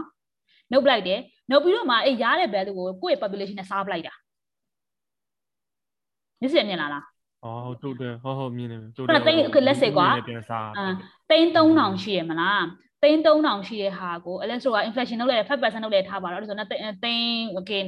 အဲ3000ဆိုတော့900လောက် sorry ညီမညီမနံပါတ်တွေမတော်တတ်ပြတ်တယ်ပြီးတော့5%လောက်လိုက်တော့ short ရမယ်ကွာသိန်း3000လေးရော့ရမယ်အေးရော့သွားတဲ့ value ကိုမှထားပြီးတော့နောက် population ထပ်စားလိုက်တာအဲ့လိုဆိုပါပါလို့ပေါ်တဲ့စကားလုံးကသူကစားတာလေ per capita ဆိုတာ population နဲ့စားပလိုက်ပဲပြောရင်တော့အဲဟုတ်တယ်ဟုတ်တယ်ဟုတ်တယ် population မီးကိုရှာပါလို့อืมအဲ့ဒါပါပြတင်တယ်ဒီမှာဆိုဒီဟာကိုလေဒီဟာလေးမျက်စိလေးမြင်လား is it ပုံမြင်လားဒီမှာဆိုရင်ကွာ per capita per capita real GDP per capita ကိုလိုချင်ရင်ဘယ်လိုလုပ်လဲဆိုတော့တဲ့ real GDP ကို divided by population ပေါ့နော် population နဲ့စားလိုက်တာပါတဲ့ဟုတ်ပြီနော် ဒီမှာဆိုတော့ခေါက်ကွာဒီလိုမျိုးခေါ်တာလည်းရှိရကွာဒီဟာသူ့ရဲ့ meaning ပေါ့နော် par ဆိုတာ by meat of the capital ဆိုတာ hack ကိုပြောတာပေါ့နော် hack ကောက်ပုံစံမျိုးကွာဒီမှာဆိုရင် तू က exhibit တစ်ခုအနေနဲ့ဆိုရင်ပေါ့နော်ဒီမှာဆိုရင်စုပေါင်းသူ့ရဲ့ income က national income ပြတာဖြစ်ပေါ့နော်သူ့ရဲ့ဒီခုနလည်းဆိုဒီဘယ်လိုခေါ်လဲ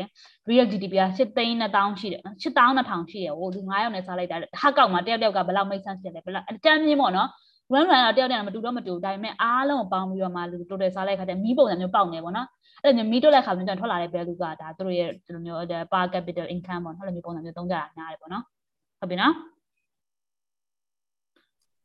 ကဲပါကဲပါဒီမှာဆိုရင် GDP real GDP of the country population of the country အဓိကအဲ့ဒါပါနော်ပြောချင်တာ GDP များတိုင်းလဲအဲ့လိုမျိုးတိတ်ပြီးတော့ you cannot make a decision yet ပေါ့နော် you have to look through the population also ဟုတ်တယ်ဟုတ်ဒီနိုင်ငံမှာနေတဲ့လူတွေကဒီဒီ control ကိုထုတ်တာလေအဲ့လိုဆိုဒီနိုင်ငံကလူတရားပဲထွက်တာဟာလူရောက်တရားလုံနေတယ်တယောက်က1%ပဲ contribute လုပ်တာလေဟုတ်တယ်ဟုတ်လူ တရားကိုလူက3ယောက်နဲ့လုပ်တယ်ဆိုတော့တယောက်က30%အောင် contribute လုပ်တာဆိုတော့အဲ့အဲ့ဒါကိုလည်းကြည့်ဖို့လိုတယ်ပေါ့နော်အဲ့လိုမျိုးတွေပြောချင်တာပါအမှန်ဆို population ကလေလူတယောက်တယောက်ချင်းစီမှာထုတ်လုပ်နိုင်စွမ်းအားဘယ်လောက်ရှိလဲအဲ့ဒါမျိုးပြောချင်တာဒီမှာဆို US မှာဆိုအနည်းဆုံးလူတယောက်ကဒေါ်လာ6000လောက်တစ်နှစ်မှာထုတ်နိုင်တယ်ဆိုတာမျိုးသူပြောတယ်ပေါ့နော်မြန်မာနိုင်ငံမှာဆိုရင်လူတယောက်ကဒေါ်လာ1500လောက်တော့မရဘူးပေါ့နော်အဲ့ဒါမျိုးတွေဆိုတော့လေသူတို့တယောက်နဲ့တယောက်ကထုတ်လုပ်နိုင်စွမ်းအားမတူကြဘူးဆိုတော့ economic power လည်းတူမှာမဟုတ်လေ make sense ဖြစ်ပါတယ်ဟုတ်ပါတယ် တော်သေးတယ်ဆန့်ပါရင်မလားတော့လို့ခေတာပါနော် The best way to tell how stable an economy is that the short term is to look at the real GDP ပေါ့နော်ဒီ economy တစ်ခုက stable ဖြစ်ဖြစ်ကွာသိချင်တယ်ဆိုပါစို့နော် in the short term ကိုပြောနော်ဒီရေတိုမှာပေါ့နော်ရေတခု current မှာပေါ့နော်ရေတိုမှာကြည့်ချင်တယ်ဆိုရင်တဲ့ real GDP တောင်းကြည့်တင်တယ်ပေါ့နော် real GDP ကဘယ်လိုဖြစ်နေလဲဆက်ကြည့်အောင်နော် real GDP adjusts for the inflation and because uh, we don't want to confuse uh, rising price ဘလာဘလာအဓိက inflation အများနဲ့ adjust လုပ်တယ်ပေါ့နော်ဒါကြလို့ real picture လို့ကျွန်တော်ဆိုရင် inflation အများနဲ့နှုတ်သွားတဲ့ဟာမျိုးအများကြီးရှိတယ်ပေါ့နော် with the educate economic growth ပေါ့နော်အဲ့လိုမျိုးအဲ့ဒါကို contribute ဖြစ်ချင်လို့ပေါ့အများနဲ့သူတို့ real ကိုပဲသုံးတာများတယ်ပေါ့နော် economy နဲ့မသုံးကြဘူးလို့ပြောချင်တာပေါ့နော်အဲ့ဆို real GDP ကိုကြည့်ရအောင်တဲ့ economic could adjust GDP for inflation နဲ့ using ခုနကလည်းဆို CPI လာပဲပေါ့နော် consumer price index ကိုလည်းဆိုသုံးတယ်ဆိုတဲ့ဘောလည်း မှတ်ထားရအောင်ဒီ CPI ခဏသုံးပါတယ်တွေ့ရပါပါ CPI ဆိုတာဘာလဲဆိုပြီးတစ်ခါလည်းပြောပြသွားပြီဆိုတယ်နော် CPI ကိုသုံးပြီးတော့ inflation adjust လုပ်တယ်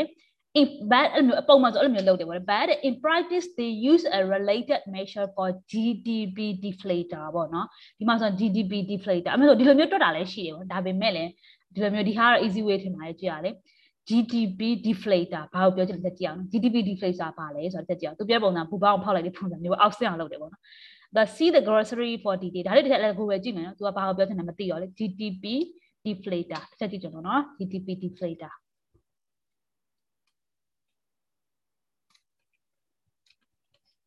GDP deflator ကဘာကိုပြောလဲဆိုတာချက်ကြည့်မယ်နော် measure the chain price of all goods and service in economy ခုန CPI နဲ့ခက်စစင်ပါပဲ let's အထင်ပေါ့နော် deflator တဲ့ using the GDP price deflator help economics compare the price of real economy active from one year to another ခုန image လေးတစ်ချက်သွားကြည့်မယ်နော်အဲ့ဒါတစ်ချက်မျက်စိနဲ့မြင်အောင်လို့နော်သူပြောချင်တာလည်းဆိုတော့နည်းနည်းတော့သိတယ်ပေါ့နော် deflator က okay base year base year နည်းနည်း data ရ okay ဒါလေးတစ်ချက်ကြည့်ကြည့်မယ်နော် okay let's image မြင်ရလားမသိဘူး ဟုတ်မြင်ရပါတယ် ဒီမှာသူပြောချင်တာ deflator ကခုန CPI နဲ့ခါဆက်စင် concept ပါပဲသူပြောချင်တာဟာလေ also known as GPI price deflator implicit price deflator each measure the impact of inflation on the GDP blah blah blah ပေါ့နော် during the period of specific physical year physical year ဆိုတာဒါတစ်နှစ်တွင်းပေါ့ပြောချင်တာပေါ့နော် blah blah blah adjusted calculation real GDP ဒီသားတော့ formula လို့တော့ပြောတယ်ပေါ့နော်ခုန CPI နဲ့ခက်ဆက်စင်မှာ normal ဟာဒီလောက်ရှိတယ် အဲ့ဒါ real nominal နဲ့ real ဟာကို तू ကစားလိုက်တယ်စားပြီးမှ100နဲ့မြောက်တယ်ခုနက let's example တစ်ခုသွားကြည့်အောင်နော်မျက်စိရမြင်အောင်လို့လေဒါကတော့ तू nominal နဲ့ real ခုနကလည်းဆိုမြင် inflation ကြောင့်မြင်တယ်ဆိုတော့သူတို့က different က let's တည်ရလေအဲ့ဒါသူတို့က nominal real inflation ကပါသူတို့က difference က inflation မှန်တည်တော့ inflation ဆွဲထုတ်လိုက်တဲ့ပုံစံမျိုးပေါ့နော်ဟုတ်ပြီနော်ကြည့်မယ်နော်ဒီမှာဆိုရင်တော့9နှစ်ဟာကိုတွက်ကြတယ်ပေါ့နော်ဘာဖြစ်လို့ GDP deflator ကဘာလဲဆိုတော့မြင်အောင်လို့နော် 2010က base year အနေနဲ့ယူလိုက်တယ် base year တစ်ခုရှိရမှာနော် comparison လုပ်မှာဆိုဘယ်ဟာနဲ့ compare လုပ်မှာလဲဆိုတာမျိုးရှိတယ်ပေါ့နော်အဲ့ဒါကိုယူလိုက်တယ်2010မှာဆိုရင်တဲ့ဒီ nominal GDP ကလည်းဒီလောက်ပေါ့နော် real GDP ကဒီလောက်ပေါ့နော် deflation ကမရှိဘူးဆိုတော့ပြောတယ်ပေါ့နော်အဲ့ဒါ base year အဲ့လိုအချိန်မှာ2010မှာဆိုရင် nominal က8350ဖြစ်လာပြီးတော့ဒီ real GDP က9500ဆိုတော့ तू nominal real နဲ့စားလိုက်ရမှာရတဲ့ဟာကို तू ကဒီဒီမှာဆို100တွေကနှုတ်လိုက်တဲ့ပုံစံမျိုးပေါ့နော် make sense ဖြစ်လား ပုံမှန်ဆို CVI မသုံးတော့ပဲနဲ့ကွာ real နဲ့ဒီအဲ့ဒီဟာကိုနှုတ်ပြီးတော့သူလုပ်လိုက်တာဆိုတော့အဲ့ဒါဆိုဆင်တူယိုမ Isabel လေးပါပဲတခြားလူကမြင်ကြလားတော်တော်ခွဲထုတ်လိုက်တာပေါ့နော်ပိုပိုလွယ်ပါ nominator ကနေ real နှုတ်လိုက်တာဟုတ်တယ်ဟုတ်တယ်ဟုတ်တယ်အဲ့ဆိုတော့အဲ့ inflation မဟုတ်လားလဲဟုတ်တယ်သူပြောနေတာ inflation inflation ထွက်လာမှာ inflation ကိုပဲတိုင်းတာ ဟုတ်တယ်ဟုတ်နော်တယ်သူအဓိက consumption တခုက inflation ပါတခုက inflation မပါဘူးဆိုအနှစ်ခုနှုတ်လိုက် inflation ထွက်လာမှာပေါ့ inflation ထွက်လာอืมဟုတ်တယ်သူကသူကဒီဟာ CPI သုံးတာနဲ့ပို့လှုပ်ရှုပ်တယ်ကွာဒီဟာ easy way ပြပါလိုက်မယ်ကြည့်ရတယ် shoot ဆိုပြီးတော့လာတယ်ဖြစ်ဆိုတော့လေ inflation ပဲပေါ့နော်အဲ့ inflation မှာတွေ့တာပေါ့နော်ကိစ္စကြည့်မယ်နော် once we adjust for inflation အမှန်ဆို inflation မှာနှုတ်ချင်လိုက်လိုက်ရှာနေဟုတ်တယ်ဟုတ် okay recession show up as a decline in real GDP တကယ်လို့ဒါကိုက inflation နှုတ်ပြီးသွားပြီဆိုရင်တော့ real GDP က value ကတကယ်လို့သူကအရင်ရှိတဲ့ sign တစ်ဖြစ်နဲ့ကျလာတယ်ဆိုရင်ဒါ recession နဲ့သွားနေပြီဆိုတဲ့ဘောပြောချင်တာပေါ့နော် recession ကိုမှတ်မိကြရဟုတ် recession တို့ depression တို့ဆိုတဲ့အကြောင်းလေးအဲ့ဒါတွေမှတ်မိဆို economic exception economic cycle လည်းပြန်ပြီးမြစ်စီမြင်သေးကြပါလေ economic cycle ဒီလိုမျိုးနော်မလား expansion ရှိမယ် recession ရှိမယ် expansion ရှိမယ် recession ရှိမယ်အဲ့လိုမျိုးတွေပေါ့နော်ဟုတ်တယ်ဟုတ်အဲ့လိုမျိုးအများကြီးရှိပါတယ်သူက cycle ကအတက်အကျပေါ့ပြောနေတာဒါ life ကအတက်အကျအများကြီးရှိတယ်ပေါ့ wave ကဆိုတော့လေတကယ်လို့ဒါ recession ဖြစ်လာပြီလို့ကိုကထင်နေဆိုတော့အဲ့လို real GDP ကိုကျလာမယ်အဲ့လိုမျိုးဆိုဒါ recession ဖြစ်ဖို့အလားအလာများနေပြီပေါ့နော်အဲ့လိုမျိုး do you think uh, you need rest အနေနဲ့ဒီမှာဆိုတော့ तू ကဒါ economy ပဲထားပါတော့ तू ကနည်းနည်းကျလာပြီဆိုတော့ तू က rest လုပ်ရဆိုတဲ့ပေါ်လေးပေါ့နော်ဒီမှာဆိုမြင်က or more stimulus အဲလေ you know what you mean မျိုးပြန်ပြန် more stimulus အမေကြိုက်တော့တနာပါလေသူများညင်းကိုကြိုက်တော့သူကပြောချင်တာကွာတကယ်လို့ဒါ real GDP ကကျလာပြီဆိုဒီဟာဒီ recession နဲ့ဝင်ဖို့အလားအလာများနေပြီဆိုတော့ခဏပြေးပြီးတော့ space ကို slow down လုပ်ရင်ကောင်းမလားဒါမှမဟုတ်လဲ stimulus တွေများများပေးရင်ကောင်းမလားဆိုတာမျိုးပေါ့နော်ဒီမှာဆိုတော့ဒါမျိုး stimulus ပေးရဆိုတာ economy ကို smoothly ပို run အောင်လို့ပေါ့နော်ပို့ပြီးအားဖြည့်ပြီးအားစိတ်တိုက်တဲ့ပုံစံမျိုးပေါက်နေပေါ့နော်ဒီမှာဆိုနေလေအဲနဲ့ this depression show up as a steep and prolonged decline in the real GDP ပေါ့နော်ပြောချင်တာအဖြစ်နဲ့ဆိုးတဲ့ဆိုးတဲ့ဖြစ်ဖြစ်နဲ့ real GDP ကကျတဲ့ကျကျကျနေပါဘယ်တဲ့ဝင်လာဆို depression နဲ့ဝင်လာတယ်ပေါ့နော်အဲ့ဒါဆိုမှတ်မိသေးလား reception ကတိုင်ပုံမဖြားရနဲ့တူပြီး depression ကကွာအေးရတဲ့လေသေးကနေဖြစ်နေဆိုတော့လေနော်ပြောချင်တာဖြစ်ဖြစ်နဲ့ကွာနေမကောင်းတာကြာလာကွာသေကနေပိုဖြစ်နေပုံစံမျိုးပြောတာပေါ့အဲ့လိုဆို depression နဲ့ဝင်လာဖို့ chance အများများပါတယ်တဲ့ the horse is dead ပေါ့နော်သေတော့မယ် no he isn't he just resting economic တွေပေါ့အဲ့အမျိုးမျိုးကတော့ပြောချင်တာနောက်ဆုံးတော့ Great Depression အကြောင်းပြန်ပြောတယ်ပေါ့နော် since the Great Depression the US economy has gone through the ups and down of the business cycle about a dozen time ပေါ့နော်ဒီမှာဆို business cycle တို့ economic cycle တော့ the same thing ပဲပေါ့နော်ခါကျန် terms တွေခဏခဏတွေ့ရမယ် business cycle တို့ economic cycle တို့ပေါ့နော်ဒါဆိုဒီမှာ expansion recession expansion recession အဲ့လိုမျိုး12ခါလောက်တော့ a dozen times ဆို12ခါလောက်တော့သွားခဲ့တယ်ဆိုတော့ပြောချင်တာပေါ့နော်သွားခဲ့ဒါပေမဲ့သူက depression နဲ့မရောက်သွားဘူးเนาะအဲ့ဒါတစ်ချက်မကြောက်လို့ဆိုကြတယ်ဒါပေမဲ့ပြန်တက်လာတယ်တခုကြာပြန်တက်လာတခုကြာပြန်လာအဲ့လို depression ဖြစ်တာမရောက်သွားဘူးเนาะအတက်ကြအများရှိနေเนาะအများကြီးကြာညာမျိုးမဟုတ်ဘူးเนาะဒီထိအဆင်ပြေကြလားဟုတ်အဆင်ပြေပါတယ် ဟုတ်တယ် ဟွန်းဒီကဒါအဲ့ဒီ economic cycle ရဲ့အရေးပါတယ်ဆိုတဲ့အကြောင်းပေါ့နော်ကို GDP တောင်းသိမယ်ဆိုရင်ဒီ GDP က one of the factor to determine whether ကိုက in depression နဲ့ဖြစ်နေလားဒါမှမဟုတ်ကိုက expansion နဲ့ဝင်နေလားဆိုသိလို့ဆို GDP ကိုလည်းကြည့်ဖို့လိုတယ်ပေါ့နော် အကြမ်းမှတ်မယ်ဆိုရင်လေ the best way to tell ခုနကလည်းဆို short term ကြည့်နေအခု long term သွားမယ်ပေါ့နော် the best way to tell if economy is growing in the long term is to look at real GDP per capita ပေါ့ခုနပြောမယ်ဆိုရင်ကွာပုံမှန်ကိုယ့်ကိုဒီ short term မှာကိုယ့် country ကခုနစခဲ့ပဲစခဲ့ရရောက်နေတာမှလို့ဆိုဒီ real GDP GDP တဲ့တွေရပြီပေါ့နော်သူက inflation adjust လုပ်ထားပြီးသားဆိုအဲ့မှာတွေရဒါပေမဲ့လည်း လောင်းတန်ရေးရှိကိုကဦးစားပေးကြည့်မယ်ဆိုရင်လူတိုင်းလူတိုင်းကသူတို့ရဲ့ production power ဘယ်လောက်ရှိလဲကွာဆုံးဖြတ်ဖို့ဆိုရင်တဲ့ real GDP ပါ capital ကိုတွက်ဖို့လိုလာပြီပေါ့နော်ဆက်ကြည့်မယ်နော် we adjust for inflation and population population တို့လုံးဝ bold color ပေးတာလို့ highlight ရန်ပေးထားပါတယ်လို့ဒီမှာ population အရေးကြီးတယ်ပေါ့နော် so that we can get access or living standard of the average person လူတယောက်ကတာမန်လူတယောက်က living standard ကဘယ်လိုဖြစ်နေလဲဆိုတာတိုင်းတာဖို့အတွက်ဆိုရင်တဲ့ဒီခုနက GDP per capita သိဖို့လိုတယ်ပေါ့နော် ခုနကဒီလက်ဆိုမြန်မာနိုင်ငံ1500ပေါ့နော်ခုနအဲ့အဲ့ number လေးလည်းအမှတ်လက်ထည့်တာပေါ့မြန်မာနိုင်ငံ1500 US ကကြတော့6000ကျော်ရှိတယ်ဒီ China ကြတော့ဘယ်လောက်လဲ1000ပေါ့နော်15000လားဘယ်လောက်လဲ illustrate လိုက်တစ်ချက်အဲ့လောက်အဲ့လောက်ရှိတာဆိုတော့အဲ့ဒါလေးမှတ်ထားပါလို့ For example here is a brief economic history of post war Japan post war ဆိုတာစစ်ပြီးနောက်ပိုင်းမှာပေါ့အဲ့အဲ့အဲ့နောက်ပိုင်းကဂျပန်ရဲ့အခြေအနေကိုလည်းတစ်ချက်ကြည့်မယ်ပေါ့အဲ့ဒီအဲ့ဒီအဲ့ problem တွေမြင်လာအောင်လို့နော် after World War II the Japanese economy was in a shambles စစ်ပြီးတော့ဂျပန်ရဲ့ချစ်ဆုံးတော့တည်ရတာလုံးဝဆုတ်ပြတ်သွားတဲ့ပုံစံမျိုးပေါ့နော်သူတို့ economy က it's hard to create a value add when everything is a rain ပေါ့နော်သူတို့ဆိုရင် nuclear ဘုံတွေလည်းခံခဲ့ရတာဆိုတော့သူတို့ကဘာမှမရှိဘူးအရာအားလုံးအပျက်စီးတွေဆိုတော့သူတို့ value add ဖို့ဆိုအရန်ခတ်တယ်ပေါ့နော်အဲ့ဒါမျိုးကိုပြောသွားတယ်ပေါ့ then real GDP per capita grow by amazing rate တဲ့ဘယ်လောက်တော့ထွက်လာလဲဆိုတော့ 6% per year from 1950နဲ့1990မှာတစ်နှစ်ကို6%တက်လာတယ်ဆိုတဲ့ဘောကတော်တော်လေးမြင့်လာတဲ့သဘောပေါ့။အရင်ကဒီလိုမျိုးလောက်လာတယ်အခုဆိုကားနဲ့ဖြစ်လာတဲ့ပုံစံမျိုးပေါ့နော်။ value added per person double every 12 year ပေါ့နော် အမြဲစနစ်တိုင်းမှာလူတယောက်ကထုတ်ကုန်သူတို့ရဲ့ power productive production power နှစ်ဆတက်လာရဲဆိုတော့လေ for more than 4 decade ပေါ့နော်4 decade လောက်တော့ထက်လာရဲဆိုတာတော်တော်လေးကောင်းတဲ့အခြေအနေဖြစ်လာတဲ့ပုံစံမျိုးပေါ့နော် and then grew by less than 1% per year during the lost decade မမိတယ်လေဆို lost decade ကြောင့်ပြောပါလားသူကလုံးဝ lost decade မှာဆိုဂျပန်ကလုံးဝဒီနားနာပဲပဲ့အိသွားနေပါခေါ်လေပဲ့အိလားပဲခေါ်လေတယောက်လေးဘာသာပြန်နာလေဟိုတစ်ခေါက်တော့မမိလားကိုဆိုင်လာမင်းထလာမသိပဲ့အိဖြစ်တယ်ဆိုတာလေအီလိတ်လို့သွားနေ ပကြည့်မဟုတ်လားပဲပတိတိပအိပပဲပဲ so sorry ဒီနာကိုဒီနာည inflation မတက်ဘူးတည်မလား stickman stickman ဘာခေါ်လဲအင်္ဂလိပ်စကားလုံးထလာပါလဲ stickman ဖြစ်နေတာကွာ stickman ဖြစ်နေတာပေါ့ပြောပြောချင်တာကွာသူကသူတို့ very slow rate နဲ့သွားနေပေါ့နော်1% per year ပေါ့နော်6%နဲ့လုံးဝ1%မှာတိုးသွားတယ်တဖြည်းနဲ့အရင်ပါအတက်မတက်လာဘူးပုံစံမျိုးပြပြတယ်ပေါ့နော် the best news is that living standard are barely moving ပေါ့နော်မတက်လာဘူးဒီလိုမျိုးနဲ့ဒီလိုမျိုးပဲပေါ့နော် and the good news is that Japan real GDP per capita is still among the highest in the world ကဘာမှာသူက one of the G7 မှာသူလည်းပါတယ် one of the rich country ပေါ့နော် rich ဆိုသူလည်းပါတယ်ဆိုတော့ဒီကဒီလိုမျိုးပေါ့နော်သူရဲ့ဒီ real GDP per capita တက်လာလို့ပေါ့နော်သူ့နိုင်ငံကလည်းတစ်ပြေးတိုးတက်လာတဲ့ပုံစံမျိုးပြောချင်တာပေါ့အကြမ်းပြောမယ်ဆိုအထက်ကြည့် China ပဲသွားကြည့်မယ်နော် Even more fascinating is the story of China, which have the power world highest real GDP capital in 40th century ပေါ့နော်14ရာစုလောက်မှာဆိုရင်တဲ့သူရဲ့ highest real GDP per capita ရှိခဲ့တယ်ဆိုဘယ်လောက်တော့လဲကြည့်ရ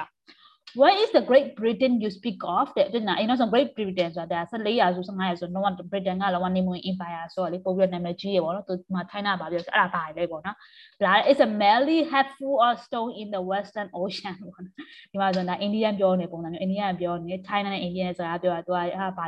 ဘာမှမဟုတ်ပဲကြောက်တော့မင်းလုံးလောက်ပဲရှိတာလို့ပြောတယ်ပေါ့အဲ့ဒါကျအရင်သူ့ရဲ့သူ့ရဲ့ဒီ GDP per capita ဘယ်လောက်တော့ရှိလဲဆိုတော့ဆက်ကြည့်အောင်နော် over the next 600 year တဲ့ however real GDP per capita soar in Europe ပေါ့နော် Europe ကတဖြည်းဖြည်းအရင်တော့ဆို China အရင်အရင်သူတို့ကသူတို့ရဲ့ဒီဒီခုနသူတို့ရဲ့ဒီတရက်တရက်ထုံးနေတယ်ဆိုတာပို့ပြီးမြင့်နေပြီးတော့ပေါ့နော်ဒါပေမဲ့လည်း at the same time မှာပေါ့နော်ဒီဒီလွန်ခဲ့တဲ့အဲ့လိုမျိုး900ဆို600စုလောက်ကပေါ့နော်ဒီ Europe ကသူတို့ရဲ့ဒီဟာအရန်ရန်တက်လာတယ်ပြောချင်တာဒီမျိုး real GDP per capita အရန်တက်လာတယ်ဒီမှာဆို Renaissance ဖြစ်တာ Enlightenment Renaissance တို့ Industrial Revolution အကလုံးကဒီ Europe ကလာတယ်ဆိုတော့လေအဲ့ဒါကြီးအားလုံးကသူတို့ရဲ့ဒီ real real GDP per capita လုံးဝမြင့်စေတဲ့အရာတွေပေါ့နော် and uh, stagnate in China stagnate ဆိုခုနက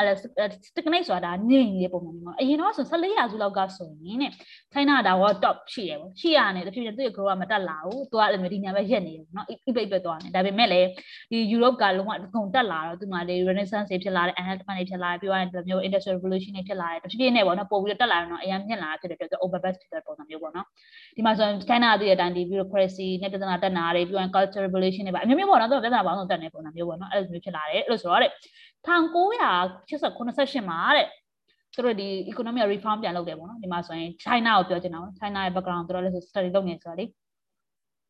then came to the economic reform of 1978ပေါ့အဲ့မှာဆို long live capitalism capitalism open လုပ်တဲ့ပုံစံမျိုးပေါ့နော်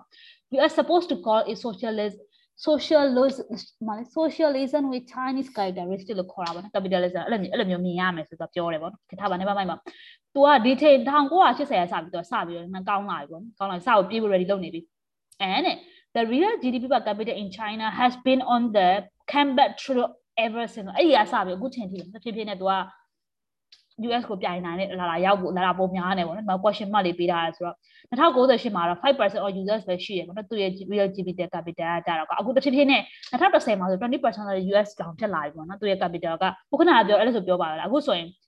ဘယ်လောက်လဲအခု US က6000သူက1000လားအဲ့နံပါတ်တွေမှာလားမသိပြန်ကြည့်ပါဦးမှတ်မိလား US ကဘယ်လောက် China ဘယ်လောက်သိချင်လို့နော်ပြန်ပြီးတော့မှတ်မိချင်လို့ China က4000အိုး China 4000ရှိနေပြီ US ကိုချက်ကြည့်ရအောင်နော်လခုနမလေးရှားနဲ့မှာတင်နေ United States က United States ကဘယ်လောက်လဲလဲ6000 6000နဲ့400လဲစားကြည့်မယ်နော်ဘယ်လောက်တော့ရောက်နေပြီလဲ6300ကိုအစား4500စားလိုက်ရင်ခုနဟာဟောင်ကောင်ကြီးဟုတ်လားလေးတောင်းဟောင်ကောင်ကြီးဟုတ်ကဲ့လက်မဟုတ်လားခဏ sorry နော် let's do China ပြန်သွားကြည့် China အော်ဟုတ်တယ်လေ China တောင်းပွဲမှန်တယ်မှန်တယ်မှန်တယ် sorry ခုနလည်းခုနလည်း China လောက်လိုက်ရပဲတစ်ခုရှိတာအော် ဟာအော်ဟောင်ကောင်ဟောင်ကဲပြောနေတာဟောင်ကောင်ပါဟောင်ကောင်ကဟောင်ကောင်ဟောင်ကောင်4600ပေါ့နော် US နည်းနည်းရှိတယ် US နဲ့1000လောက်ပဲကွာတာဆိုတော့ဒါပေမဲ့တကယ်ပြည်မချာတို့ခွာခေါ်လဲဘယ်လိုခေါ် China ပြောတာပြည်မ China ဘယ်လိုခေါ်လဲမှတ်မိတော့ mainland China mainland အဲ့ ပြီး mainland မှတယောက်ပြီးမှတယောက် အဲဟုတ်တယ်မြန်မာနဲ့အင်္ဂလိပ်ပေါင်းမိတယ်နော်လည်းတော်တယ် mainland China ပေါ့နော် mainland China ဆိုတောင်းခွဲပဲရှိရဲဆိုအနည်းဆုံးဘယ်လောက်ရှိလဲဆိုတော့တွက်ကြည့်အောင် different ပေါ့နော်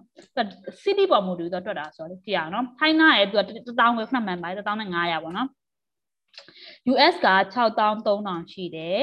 6300ကိုအဲ့ဒါ1900နဲ့စားလိုက်တာ6%ပေါ့နော်6%กว่า6 6နှုန်းกว่าတယ်ဆိုတော့ဒီဟာကို ဘယ်လောက် US ရဲ့ဘယ်လောက် percent ရောက်နေပြီလဲ US ရဲ့30%လောက်ရောက်နေပြီတော့ပြောလို့မရဘူးလားရပြီနော်သူက6000နဲ့ဆိုတော့1000ဆိုအနည်းဆုံးဘယ်လောက် percent 20 30%လောက်ရှိနေပြီထင်တယ်ဘယ်လိုတွက်လဲခဏလေးပြန်တွက်မယ်နော်1 second အဲ့အဲ့1000ကို6000နဲ့စားမယ်ဘယ်လောက် percent ရှိနေပြီလဲဆိုပြီးတော့ပေါ့နော် US ကတော့6ဆပို့ပြီးတော့မြင့်နေတယ်ပေါ့နော်6ဆမြင့်နေဆိုတော့အေးပေါ့6ဆမြင့်နေဆိုတော့ကတရား6နဲ့စားအောင်ဘယ်လောက်ထွက်လာ 16 20လောက်မရှိ16လောက်ပဲရှိတယ်ပေါ့ဟွန်း16လောက်ပဲ20%လောက်မရှိဘူး16လောက်ပဲရှိတယ်ပြည့်ချင်တာ2020မှာ China တော်တော်လေးဖြစ်သွားတာလို့လားပြည့်သူ့ရဲ့ GDP ကပိုပြီးတက်လာလို့လားအခုဆို16 16လောက်ပဲရှိရဆိုတော့လေဒါသူပြောသူ့ရဲ့ data တွေပေါ့နော်ဒါဆိုခုနက war war ဘာခေါ်လဲ war bank ကပေါ့နော်သူရဲ့အဲ့လိုမျိုး real GDP per capita value တွေတွက်ကြည့်တာပေါ့နော်အခုလက်ရှိပေါ့နော်2020မှာဆိုရင် ဒီ China US က60%ပေါ့နော်70%ပဲထားပါတော့အကြမ်းမြင့်မှတ်လိုက်မယ်70%လောက်ပဲရှိတယ်နော်2020မှာဆိုတော့20%အောင် US အောင်ရှိတယ်ဆိုတော့2020နဲ့ပြန်ကျလာတဲ့သဘောမှရှိတယ်သူရဲ့ပါဝါလေးအဲ့လိုဆိုတော့တဖြည်းဖြည်းနဲ့ပေါ့နော်2040လောက်ကျရင် US ရဲ့တဝက်လောက်များရောက်မလားဆိုတာမျိုးတွေပေါ့နော်အဲ့လိုထွက်ထွက်လာတယ်အမြင်တွေလည်းရှိကြတယ်ပေါ့ဒါ very optimistic ပေါ့ China ဘက်ကကြည့်နေစတယ်လေမြန်မာရောမြန်မာက US ကဘယ်လောက် percent ရှိတယ်ထင်လဲမတော်တော့ပါအဲ့လိုဆိုတော့ဆက်ကြည့်မယ်နော် အဲ့လိုဆက်ကြည့်မယ် of course telling a story with a number isn't always easy ပေါ့နော်ဒါ number နဲ့လာပြီးတော့ဒီသူကဘာဖြစ်တယ်ညာဖြစ်တယ်ပြောတာဒါမလွယ်ဘူးလေကိစ္စတစ်ခုပေါ့နော် and GDP has plan for shop coming ပေါ့နော် GDP GDP ကိုသုံးချပြီးတော့ပြောနေရတယ်သူကမကောင်းတဲ့အချက်တွေလည်းအများကြီးရှိတယ်ပေါ့နော်ဒီမှာဆိုရင်5.8 trillion 4.8 trillion အဲ sorry 8.4 trillion 10.2 trillion အဲ့လိုမျိုးပြောတာ I don't like the story တဲ့ you are you are telling in around တကယ်တော့ပြန်ကနေကြည့်မယ်ဆိုရင်ခုနက number တွေ LS ပြန်မယ်ခုနက number US က number ရေ China ရဲ့ numbers ကို LS compare လုပ်လိုက်တဲ့အချိန်မှာထွက်လာတာ China US ဆက်ဆောက်ပါဆက်လောက်ပဲရှိရလို့ပြောရတယ်မလားဒါပေမဲ့တကယ် real picture is it the same အဲ့လိုမျိုးပေါ့နော်ပြောချင်တာအဲ့လိုမျိုးဆိုတော့ကွာနည်းနည်း number ကိုပဲကြည့်ပြီးတော့ဒီဟာအဖြေပေးလို့ရတယ်တိတ်ပြီးတော့အစင်တော့မပြေသေးဘူးပေါ့နော်ဆက်ကြည့်အောင်ဘာ consensus ရှိလို့ဆက်ကြည့်မယ်နော် One concept is that the GDP focus on the market economy, which means it ignore non-market issue ပေါ့နော် market economy ဦးစားပေးတာမျိုးဖြစ်တဲ့အတွက် non-market issue တွေကိုသူက တိတ်ပြီးတော့ give မဆိုင်ဘူးပေါ့နော်ဒီမှာဆို non-market issue တွေကဘာလဲဆက်ကြည့်မယ်ပေါ့နော် like unpay household တွေပါဒီမှာဆိုပြောချင်တာကွာ market တွေဝင်တော့မှ market က production ဖြစ်နေတာလားဥပဒေနာလိုမျိုး unpay household တွေပါဖြစ်တယ်အဲ့လိုပုံမှန်ကွန်ဝန်ဆောင်တဲ့မိဘတွေဒါမှမဟုတ်လဲအိမ်မှာပဲကိုသားသမီးတွေကြည့်ရတယ်သူတို့တွေက produce မလုပ်တော့ဘူးလားပြောချင်တာအဲ့ဒါတွေကိုမထက်တွက်ထားအောင်ဆိုတဲ့ပေါ်သူပြောတယ်ပေါ့နော် and environmental quality ပေါ့နော်တကယ်ဒီကာဘဒီကိုယ့်ရဲ့ climate နဲ့ပတ်သက်တဲ့ဟာတွေပေါ့နော်ကိုကတော့အများတော့ production လုပ်နေတာတော့ဟုတ်ပါပြီဒါပေမဲ့ climate ရဲ့ဖြစ်နေဆိုးဆိုးတဲ့ဆိုးလာအဲ့ဒါတွေထပ်မတွက်ထားတော့ပေါ့ကွာဒီလိုမျိုး non-market issue တွေထပ်မတွက်ထားတော့ real picture မပြဘူးဆိုတဲ့ပေါ်ပြောတယ်ပေါ့နော်ဒါက one concern ပေါ့နော်နောက် another concern ကိုကြည့်အောင် Another major concern is that the GDP doesn't tell us anything about the distribution of the economic power. ဒီမှာဆိုတော့ distribution ဆိုတဲ့စကားလုံးအရင်ပေါ်လာပြီပေါ့နော် distribution of wealth distribution of income အဲ့ဒါဒီစကားလုံးကလည်း very big debate ပေါ့နော်ဒီ GDP ကမပြောဘူးပေါ့နော်ပတ်စံတွေကတော့ဟုတ်ပါဘူးထွက်လာတော့ဟုတ်ပါဘူးဘယ်သူစီမှာပဲစုနေ distribution ကတကယ် rich 1%မှာတော့စုနေတာမျိုးဆိုရင်ဒါကလည်း it is a good picture ပေါ့နော်ဆိုရင် China economic growth has create a huge gap between rich and poor ပေါ့နော်အရန်ချမ်းသာတဲ့လူနဲ့အရန်ဆင်းရဲလူရဲ့ gap ကတဖြည်းဖြည်းနဲ့မြင့်လာတယ်ပေါ့နော် distribution က equally မဖြစ်တဲ့အတွက်ပေါ့နော် အဲ့လိုမျိုးမြင့်လာတယ်တဲ့ in 2005မှာဆိုရင် about 36% of the population were living on less than 2% of dollar ပေါ့နော်ဒါမြန်မာနိုင်ငံ standard နဲ့ခက်စင်ပါပဲ။ तू က तू ကမချမ်းသာလာဘူးလားဆိုတော့ချမ်းသာလာပါတယ်ဒါပေမဲ့ချမ်းသာလာတဲ့ဟာ wealthy distributed မဖြစ်တော့တော့မှကြားလူတွေအရန်ချမ်းသာပြီးတော့ဆင်းရဲတွေကျွေးတဲ့ဆင်းရဲလာတဲ့ပုံစံမျိုးလေးပေါ့နော်ဒီမှာဆိုရင်တရက်ကိုဒေါ်လာနဲ့ဒေါ်လာနဲ့တောင်ရက်တည်နေရတဲ့ဘဝတွေဆိုတော့လေအဲ့လိုမျိုးပုံစံမျိုးပေါ့နော်အဲ့လိုမျိုးလား similar ပဲပေါ့နော် in the end in the US the great uh, the great recession of 2007 2009 and in the jobless recovery ပေါ့နော်ဒီမျိုးဒီဟာနဲ့ဖြစ်စေတဲ့ပုံစံမျိုးသူပြောချင်တယ်ပေါ့နော် in 2009မှာဆိုရင်တဲ့ real GDP finally start going back up but there was still a lot of unemployment ပေါ့နော်ဒီဒီပေါ့နော် financial 2007 financial crisis မှာလဲပေါ့ပေါ့နော်ဒီမျိုး jobless တွေအများကြီးဖြစ်လာခဲ့တယ်ဒီမျိုး recovery ဖြစ်လာတယ်ဆိုပေမဲ့လဲပေါ့နော်ဒီမျိုး employment တွေအများကြီးကျန်ခဲ့တယ်ပေါ့ပြောချင်တာကသူကအရန်ပြီး pay rate တွေတက်လာတယ်ဒီ economy က grow ဖြစ်လာပါရဲ့ဒါပေမဲ့အလုံးလက်မှတ်တွေလည်းအများကြီးကျန်သေးပါတယ်ဆိုတဲ့အကြောင်းပေါ့နော်ပြနေတာဒီ real GDP တို့ဘာလို့ real GDP GDP ပါ capital တို့ဘာလို့ represent ဖြစ်ပါတယ်ဒါပေမဲ့အားလုံးခြုံငုံမပြခိုင်းသေးဘူးပေါ့နော် consensus တွေအများကြီးရှိရဆိုတဲ့အကြောင်းပေါ့နော်သူကသူ့ရဲ့အမှန်လို့ကတော့ပြီးထပ်တော့လည်းမရဘူးဆိုတဲ့ဘောပြောချင်တာပေါ့နော်မှန်တယ်သူကအကြမ်းမြင့်တော့ပြောရဒါပေမဲ့လုံးဝ အသေးစိတ်ဘာကြောင့်ဘလို့ပါကွာသိကျင်ထပ်ပြီးတော့ study လုပ်ဖို့လုပ်ရဆိုတဲ့ဘောပြောတာပေါ့နော်ဒီခုနကခုန MP လေးယူရလူတွေရှိမယ်ဒါမှမဟုတ်လည်း gap year လူတွေရှိမယ်သူတို့တွေကလည်း production မလုပ်တော့ဘူးလား rest လုပ်နေတာပေါ့ဒါ production လုပ်တာကိုခေါ်တာမဟုတ်ဘူးအမျိုးမျိုးတွက်လို့ concept တွေအမျိုးမျိုးရှိရပေါ့နော်နောက်က environment နဲ့ပတ်သက်တဲ့ issue တွေလည်းကွာထပ်တော့မေ့နေဆိုအကြောင်းလေးအရင်ပါတယ်နောက်က အမျိုးမျိုးပေါ့နော်တက်လာတိုင်းလဲဘာကြောင့်တက်လာလဲကောင်းကန်းတက်လာရဲ့လားအဲ့လိုမျိုးပေါ့နော်ခုနအဲ grow ဒီ economic power တက်လာပဲဒါပေမဲ့ power တွေကလုံးဝလုံးဝ rich 1%မှာတော့ပဲ saturated ဖြစ်နေတယ်သွားဆိုအဲ့မှာပဲတော့စုံနေဆိုတာမျိုးရတယ်ဒါကအရန်ကောင်းတဲ့အရာတော့မဟုတ်ကောင်းတော့ကောင်းတယ်ဒါပေမဲ့အသေးစိတ်လည်းကောင်းလာတဲ့ဟာမျိုးတွေမဟုတ်ဘူးနော်အဲ့ဒါမျိုးတွေလည်းကြည့်ရတော့ဒီမျိုးဒီလိုမျိုး gap အရန်မြင့်နေတာမျိုးတွေချမ်းသာလူတွေတစ်ဖြည်းဖြည်းလုံးဝချမ်းသာပြီးဆင်းရဲလူတွေတစ်ဖြည်းဖြည်းမွေးနေတာမျိုးရတယ်ဒါတိတ် retribution မကောင်းတော့ကွာအဲ့ဒါကြီးကလည်းနည်းနည်း မဟုတ်သေးပြန်ဘူးပေါ့နော်ကောင်းတော့ကောင်းတာပဲဒါပေမဲ့ကောင်းကန့်ဖြစ်မနေသေးဘူးအဲ့လိုမျိုးတွေအများကြီးရှိရပေါ့နော်ဒီ concept တွေလည်းအများကြီးရှိပါတယ်လို့သူပြောထားတာပေါ့ဒီမှာဆိုရင်လည်းကြည့်ရ microeconomy are of course they aware of GDP limitation ပေါ့ GDP မှာအဲ့လိုမျိုး concept တွေရှိရသူတို့လည်း aware ဖြစ်တယ်ပေါ့နော်အဲ့လိုဆိုတော့ in poor country the human development index may be a better alternative ပေါ့ပြောချင်တာတချို့ချို့နိုင်ငံ developing country တွေအတွက်ပေါ့နော် poor country ဆို developing country ပဲသူတို့အတွက်ဆိုရင် GDP ကိုအသုံးချမယ်အစားပေါ့နော် human developing index ချက်ကြည့်ရအောင် human development index ရဲ့အချက်အကြောင်းကြည့်ရအောင်ပေါ့နော် poor country ဆိုတော့အဲ့ဒီဟာတွေတစ်ချက်အဲ့လို data ကြည့်နေနေလေ human human ဟိုမှာလေ human development index ranking ကိုချက်ကြည့်မှာနော်ဘယ်နိုင်ငံကဘယ်လိုတွေဖြစ်နေလဲဆိုတော့ data လေးချက်ကြည့်ပါဦးမယ်နော်အဓိကကတော့ GDP ဒီချမ်းသာတဲ့နိုင်ငံရဲ့ GDP အလောက်မဟုတ်ဘူးပေါ့ဆင်းရဲနိုင်ငံမှာ GDP နဲ့တော့မကြည့်သင့်ဘူးပေါ့နော်သူပြောချင်တာဒီမှာဆိုရင်တဲ့ human top 10 human development index ကိုကြည့်မယ်ဆိုရင်1ကတော့ Norway ပေါ့နော် Norway Ireland တို့ Switzerland တို့ Hong Kong တို့ Hong Kong ကတော့တဖြည်းဖြည်းနဲ့အရင်တက်လာရောတော့ China နိုင်ငံ၄000ကျော်လောက်ရှိရဆိုတော့အရင်တက်လာမှသိရတယ်ပေါ့နော် State Germany တို့ Iceland တို့ပါအဲ့ဒါသူတို့ရတာ top 10ဖြစ်နေတော့မယ်ပေါ့နော်ဒါ1 of the 90တခြားတခြားတခြားလို developing country တွေမှာဘာလို့ရှိဂျပန်ကလည်းရှိတော့မယ်ပေါ့နော်ဒီဟာတွေကလောက Israel လည်းတော်တော်လေးတက်လာတယ် Finland တို့ဘာလို့ Belgium တို့ဘာလို့တော်တော်လေးတက်လာစင်ကာပူဆိုတာတော်တော်လေးမြင်လာနံပါတ်7မှာရှိရဆိုတော့နော် ဆက်ကြည့်မယ်နော်အဲ့ဒါဆိုမြန်မာတို့ okay အဲ့ဒါဒီမှာပဲရှာလိုက်မယ်နော်မြန်မာမှာဘယ်လောက်ဘယ်လောက်တိုက်တယ်ရှိတယ်မြန်မာမှာဆိုရင် human human development index မှာဆိုရင်ဒါကအောက်တော့ဘယ်လောက်မှာ140ခုကြီးဒီမှာ country စုပါမယ် country ရှိတာဘယ်သူမှတ်မိလဲ194လားပါလက်မှတ်မိတော့194တင်တယ် is it correct ဟုတ်တယ်194ကြာ195 to the country in the world အဲ့ဒါစမမှတ်မိဘူးနော်တစ်ချက်ကြည့်ကြည့်တော့ပါလို့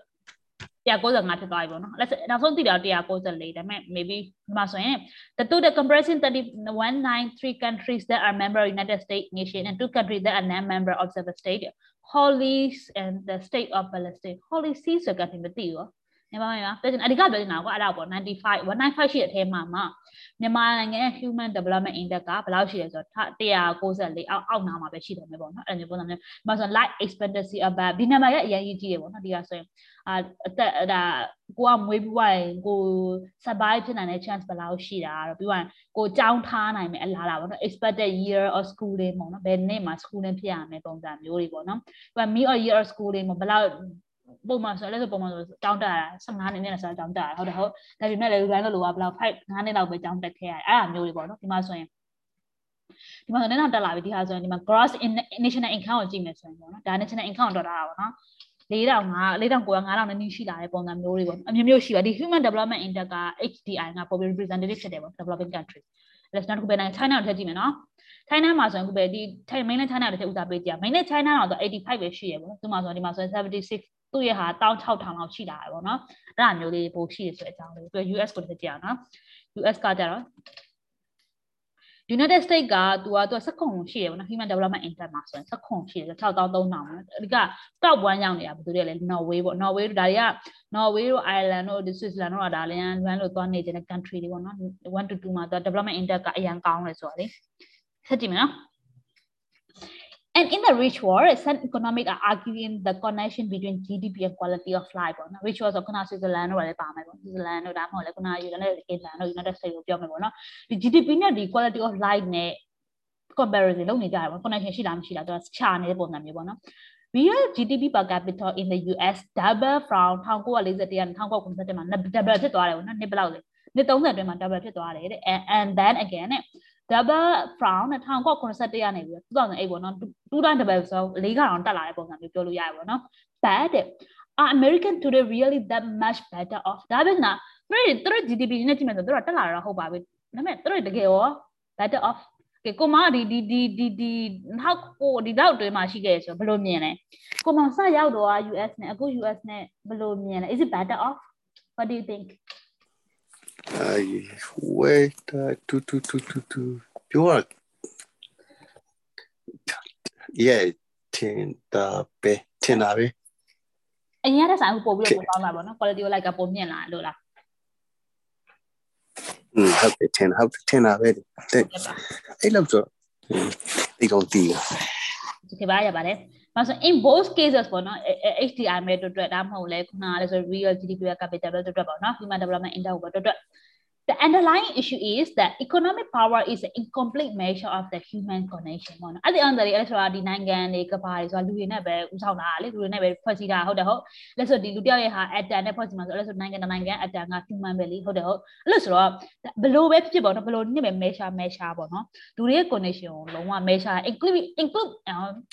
incomplete measurement အနေနဲ့ရှိနေတော့ပဲပေါ့နော်။အဲ့ဒီက HDR ပဲဖြစ်ဖြစ် ငါ real GDP ပါ capital ပဲဒေါ်လာမျိုးဖြစ်ဖြစ်ပေါ့နော်အဲ့လိုမျိုးဆိုချိနေတုံးပဲပေါ့သူပြောချင်တာကလေ we could massively increase GDP by forcing everyone to work 80 power 80 hour a week in populated factory ပေါ့နော်သူပြောချင်တာကွာ human condition ကိုဒီလိုမျိုးလုပ်လို့မရဘူးပေါ့နော်တကယ်လို့ကိုကအဲ့လိုလုပ်ချင်တာပါရဲ့ကိုကဒီဟာကို GDP increase လုပ်ချင်တယ်ဆိုရင်ကိုက factory မှာတို့ပုံမှန်ဆိုရင်လည်းဆိုမှာ ဖို့ပဲလေ40 hour ပါတယ်ဟုတ်တယ်မလားဒီ9 40ပဲလုပ်လို့ရမယ်ဆိုလောက prepare လုပ်ထားတာလည်းရှိတာဟုတ်လူကိုယ်တိုင် physical connection ကလည်းရှိသေးတယ်ဟုတ်တယ်ဟုတ်အရန် populate polluted ဖြစ်နေဆိုအရန် environment လုံးဝဆုတ်ပြတ်တက်နေတဲ့ environment မှာပေါ့နော်အဲ့လိုမျိုးလုံးဝ gas တွေပါဖွင့်နေတဲ့ environment တယောက်ကိုရှင်းနိုင်လို့ပါလို့ပြောလိုက်ရင် economic ကတက်လာမယ် productivity ကတက်လာပဲဆိုပေမဲ့လည်းပဲ is it is it worth it နေမကောင်းဖြစ်တာတွေ human connection တွေအများကြီးရှိပါလားဟုတ်တယ်ဟုတ်အဲ့လိုမျိုးဆိုတော့ကွာအဲ့ဒီ GDP ရဲ့ productivity ပဲဆိုတာဒါလုံးဝ good measure မဟုတ်သေးဘူးဆိုတဲ့ဘောပေါ့နော်ဒီဟာလို့မြင်တာသူပြောချင်တာလေအဲ no thanks ပေါ့ကျင်တာတို့ကပတ်စမညာပေးမယ်တို့လုံးမညာလုံးမလားပေါ့အဲ့လိုပုံစံဒါလည်းကို situation ပေါ်မူတည်နေလက်မြင်ပါတချို့ကြတော့လည်းတည်တယ်မှာကျမ်းမာရေးကြီးမဆက်ပဲဒီမျိုး80 power 80 hour per week လောက်ရလို့ရှိမှာပဲဟုတ်တယ်ဟုတ်အဲ့အဲ့နောက်ဆုံးတွေ့တဲ့ news အရာဆိုရင်လေဆွစ်ဇာလန်လားပါလားမသိနဲ့တလန်လားမသိဘူးသူတို့၄ရက်ပဲလုပ်လို့ဖို့ legally ကအဲ legalize လုပ်လိုက်ဆိုပြီးကြားလိုက်တယ်ရော36 hour 36 hour per week ပဲလုပ်လို့ဖို့တဖြည်းဖြည်းနဲ့သူတို့နိုင်ငံအရင် rich ဖြစ်လာတော့ကွာ အဲ့အရင်အများကြီးလုပ်ကြမလို့တော့အဲ့လိုမျိုး36 per hour per week ဆိုရင်ရပြီဆိုပုံစံမျိုးသတင်းကြားလိုက်တယ်မမှတ်မိတော့ဘယ်တော့လည်းပြခလာ ဒီကပြောချင်တာကိုယ့်ရဲ့ GDP က increase လုပ်စေချင်အလုပ်များအလူတွေကိုအလုပ်များများများတတာအလုပ်အများ force လုပ်ခိုင်းလို့မရဘူးလားဆိုရင်ရပါတယ်ဒါပေမဲ့ human connection အဲ့လိုသွားလုပ်လို့မရဘူးလူတွေမှာ limitation တွေအများကြီးရှိတယ်ဟုတ်တယ်ဟုတ် human connection အဲ့ဒါကိုပြောတာပေါ့နော်လူတွေက productivity ကအကောင်းဆုံးဖြစ်တာဒီ productivity ကောင်းတာလို့ the first two or three hour ပဲအလောက်ကောင်းပြီးတော့နောက်ကြာလောက်ခိုင်းလဲ productivity တက်လာမှာမဟုတ်တာအဲ့လိုမျိုးအများကြီးရှိတယ်ပေါ့နော်အဲ့ဒါမျိုးပြောချင်တာအဲ့ဒါမျိုးအများကြီးရှိတာဖြစ်တဲ့အတွက် complete page ပါပေါ့နော် GDP real GDP ဆိုတာနော်ဆက်ကြည့်အောင် In summary, the GDP isn't perfect, but it does give us a numerical snapshot of a country economy နော်ဆိုဟုတ်ပါတယ်တော့ perfect တော့မဟုတ်ဒါပေမဲ့ at least ပေါ့နော် you can get some assumption out of it ကိုကိုကိုမရှိရကိုအကြမ်းမြင့်မှတ်လို့ရပါဘူးတကယ်လို့ real GDP ကောင်းနေတယ် GDP က capital နည်းနည်းကောင်းနေဆိုတော့ဒီနိုင်ငံကတော့ economic power ပိုပြီးကောင်းတဲ့ဘက်မှာရှိတယ်အကြမ်းမြင့်ပေါ့နော်ကိုအဲ့လိုသွားလို့ရတယ်ဒါပေမဲ့အားလုံးလုံးဝသူက describe လုပ်ထားတာဆိုတော့မဟုတ်ပြန်ဘူးနော်အဲ့လိုမျိုးဒီမှတ်ထားသိချင်တာပေါ့ real GDP is the best in short term ပေါ့နော် short term မှာတော့ကောင်းတယ်မဲ့ real GDP per capita is the best in the long term เนาะ long term view နဲ့ short term view ကြည့်နေဆိုရင်သူကကြည့်ရကြည့်တင်တဲ့ဟာတွေမတူတဲ့အကြောင်းနဲ့သူပြောသွားတယ်ပေါ့နော် long term view မှာဆိုရင်ထင်တယ်လို့ရှိရင် real GDP per capita လည်းဖြစ်ဖြစ်ခုန human development index လည်းဖြစ်ဖြစ်ပေါ့နော် index ပဲဖြစ်ဖြစ်ပေါ့နော်အဲ့ဒါလေးကြည့်ပါပေါ့နော် short term မှာဆိုရင် real GDP ဦးစားပေးကြည့်ပါအဲ့လိုပုံစံမျိုးပြောသွားတယ်ပေါ့နော် and sometimes a number is what a thousand factor ဟိုစကားလုံးရှိပါလားဗာလဲ a patient is what thousand was for money a number is what thousand ကတော့မှာ in 2010 the real GDP per capita in China was 9000ပဲရှိရပေါ့နော်2010မှာ9000ပဲရှိရ why in India မှာ4000ရှိတယ် and US မှာဆို4500ရှိတယ်ဆိုတာ you can see the difference ပေါ့ဒါအခုချိန်မှာဆိုရင်ဒီ India တို့ China တို့ဒါ top of the town ဖြစ်နေတယ်ဘယ်တော့အဲ့တို့ပဲပြောနေတာဆိုတော့လေနော်အဲ့လိုဆိုတော့ဒီနေ့ဟာအကျဉ်းချုပ်ပြန်ပြောပေးမယ်ပေါ့နော်အဲ့ဒါဆိုနည်းနည်းလေးရှေ့သွားရဆိုတော့လေနည်းနည်းလေးကြာနေပြီဆိုတော့ ဒီနေ့ကလည်း GDP တောင်းပြောသွားတယ် GDP မှာအမျိုးမျိုးရှိတယ်ပေါ့နော်သူကတက်တဲ့နေ့3မျိုးလောက်ရှိတယ်တခုတစ်ခုကပါလဲဆိုတော့ခုနကဒီ value added value added approach ကိုသုံးသွားတယ်နောက်တစ်ခုကကြာပါလဲဆိုတော့ဒီ national income approach ကိုသုံးတယ်နောက်က expenditure approach ကိုသုံးတယ်ပေါ့နော်အဲ့သုံးခုထဲမှာမှဒီ national income sorry ဒီ expenditure approach ပေါ့နော်အဲ့ဒါအများဆုံးပဲသူ့ရဲ့ formula ကပါပါလဲ CI C က consumer I က investor CI နောက်တစ်ခုကြံပါသေးတယ်ဘယ်သူမှမမြင်လဲ CI ပါ X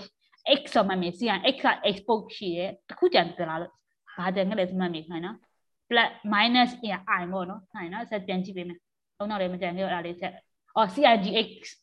G ကကြတော့ government ပေါ့နော် government role အရေးကြီးတာဆိုတော့သူရဲ့အများဆုံးသုံးတဲ့ formula ကြတော့ C ရဲ့ I ရဲ့ G ရဲ့ X ဆို export ရဲ့ပြီးသွားရင် import ပေါ့နော်အဲ့ဒါကို ပေါင်းပြီးတော့ final output အနေနဲ့ပေါင်းပြီးတော့မှ export က import ကနှုတ်လိုက်တဲ့ပုံစံမျိုးပေါ့အဲ့ဒါဆို GDP ထွက်လာတယ်တဲ့ GDP မှန်းတဲ့မျိုးရှိရပေါ့နော် real နဲ့ nominal ကိုလည်းမမေ့သိသိပေါ့နော် real နဲ့ nominal ကကြတော့ inflation ကို adjust လုပ်ထားရတယ်မလုပ်ထားရအဲ့ဒါပဲကွာရပေါ့နော်အဲ့လိုဆိုတော့ဒီ real GDP ကိုကြည့်ချင်းအားဖြစ်ပေါ့နော်ဒီနိုင်ငံ economic power ဘယ်လိုရှိနေလဲဘာလဲပေါ့နော်နည်းနည်းခံမှန်းလို့ရပါတယ်ဒါပေမဲ့လည်းပေါ့ဒါ short term အတွက်ပဲကောင်းတယ်ပေါ့နော်ဒါကြောင့် long term picture ဒီမှာရေရှည်ကိုတွေးပြီးတော့တွေးကြည့်နေတယ်ဆိုရင်ပေါ့နော်အချင်းရေရှည်တဖြည်းဖြည်းရေရှည်ဆိုတဲ့ကလုံးကနှစ်90နှစ်100ကွာကြည့်လိုက်တဲ့ horizon တိုင်း horizon ကွာကြည့်လိုက်တဲ့ပုံစံမျိုးဆိုရင်ပေါ့နော်ဘာအောင်မြင်လာရလဲဆိုတော့ဒီ real GDP ကအကောင်းကင်ဟာမျိုးမဟုတ်ဘူးနော်ဖြစ်လာလို့ရှိရင် GDP per capita ကိုကြည့်ပေါ့နိုင်ငံတကာနိုင်ငံမှာလူတယောက်တယောက်ချင်းစီတည်းတိုးတိုးတက်လာတော့ဘလို့ရှိနေလဲအဲ့ဒါကြည့်ဖို့လူတွေစကြောင်းလေးပြောရတယ်ပေါ့နော်ဒါပေမဲ့လည်းအဲ့လိုမျိုးကြည့်တာဟုတ်ပါပဲဒါပေမဲ့ developing country တွေပေါ့အဲ့လိုဆိုလို့မြန်မာနိုင်ငံတွေအတွက်ဆိုရင်တော့ဖြစ်လာလို့ရှိရင် လိုလို human development index ကိုဦးစားပေးကြည့်တဲ့တယ်ပေါ့နော် GDP က representative မဖြစ်ဘူးဆိုတဲ့ပေါ့ဘာဖြစ်လို့လဲဆိုတော့အခုနဒီ distribution က well well distributed မဖြစ်မနေဘူးပေါ့နော်ဒီ income distribution တွေကချမ်းသာတွေပိုချမ်းသာတဲ့ case တွေလည်းထောက်ပြသွားတယ်ပေါ့နော် နောက်တစ်ခုက GDP ကလည်းကောင်းတဲ့ဟာတစ်ခုနဲ့ economy all solution တွေတတ်မှတ်တတ်မှတ်စေချင်ပေါ့နော်သူမှ limitation တွေအများကြီးရှိတယ် concern တွေလည်းအများကြီးရှိတယ်ဒါပေမဲ့လည်းပေါ့အနည်းဆုံးကိုနည်းနည်း general view ကိုပြရဲဆိုတဲ့အကြောင်းလေးပါပဲလို့အဲ့လောက်ပါပဲအဲ့ဆိုအုံနောက်ထဲမှာကြံခဲ့တာတခြားလူရောအုံနောက်ထဲမှာဘာတွေကြံခဲ့လဲဟုတ် LS ပြောတဲ့အတိုင်းပါပဲဟာ ဟုတ်ပါပြီဟုတ်ပါပြီအနည်းဟာမှာဒီနေ့အဲ့ဒီမှာပဲ stop လိုက်မှာပေါ့နော်အဓိကကတော့ဒီလောက်ပါပဲဒီနေ့ GDP အရေးပါရောအဲ့ဒါဒီစမှတ်ထားပါ GDP ရဲ့ပြီးရင် GDP per capita ပေါ့ဒီစကလုံးလေးကိုနှစ်ခုအုံနောက်တွေမှတ်ထားပါလို့အဲ့ဒါလေးကအရင်ရင်ရေးပါတဲ့စကလုံးလေးပေါ့နော်ကိုအတွက်ကိုနဲ့လည်းအရင်ဆိုင်ပေါ့နော်ကိုနိုင်ငံ temporary ဖြစ်နေလားမဖြစ်နေလားအဲ့ဒါနဲ့ပတ်သက်ပြီးကိုခံမှန်းလို့ရတယ်ပေါ့နော်အနည်းဆုံးအကြမ်းမြင်ခံမှန်းလို့ရတယ်ဒါဆိုရ data သမားတွေဆို data တွေကလည်း is me something ပေါ့အဲ့လိုမျိုးဖြစ်နေပါတယ်လို့အဲ့လိုနဲ့ပဲလက်စနီကုန်းချုပ်ပါတယ်ပေါ့နော်အားလုံးလည်းကျေးဇူးတင်ပါတယ်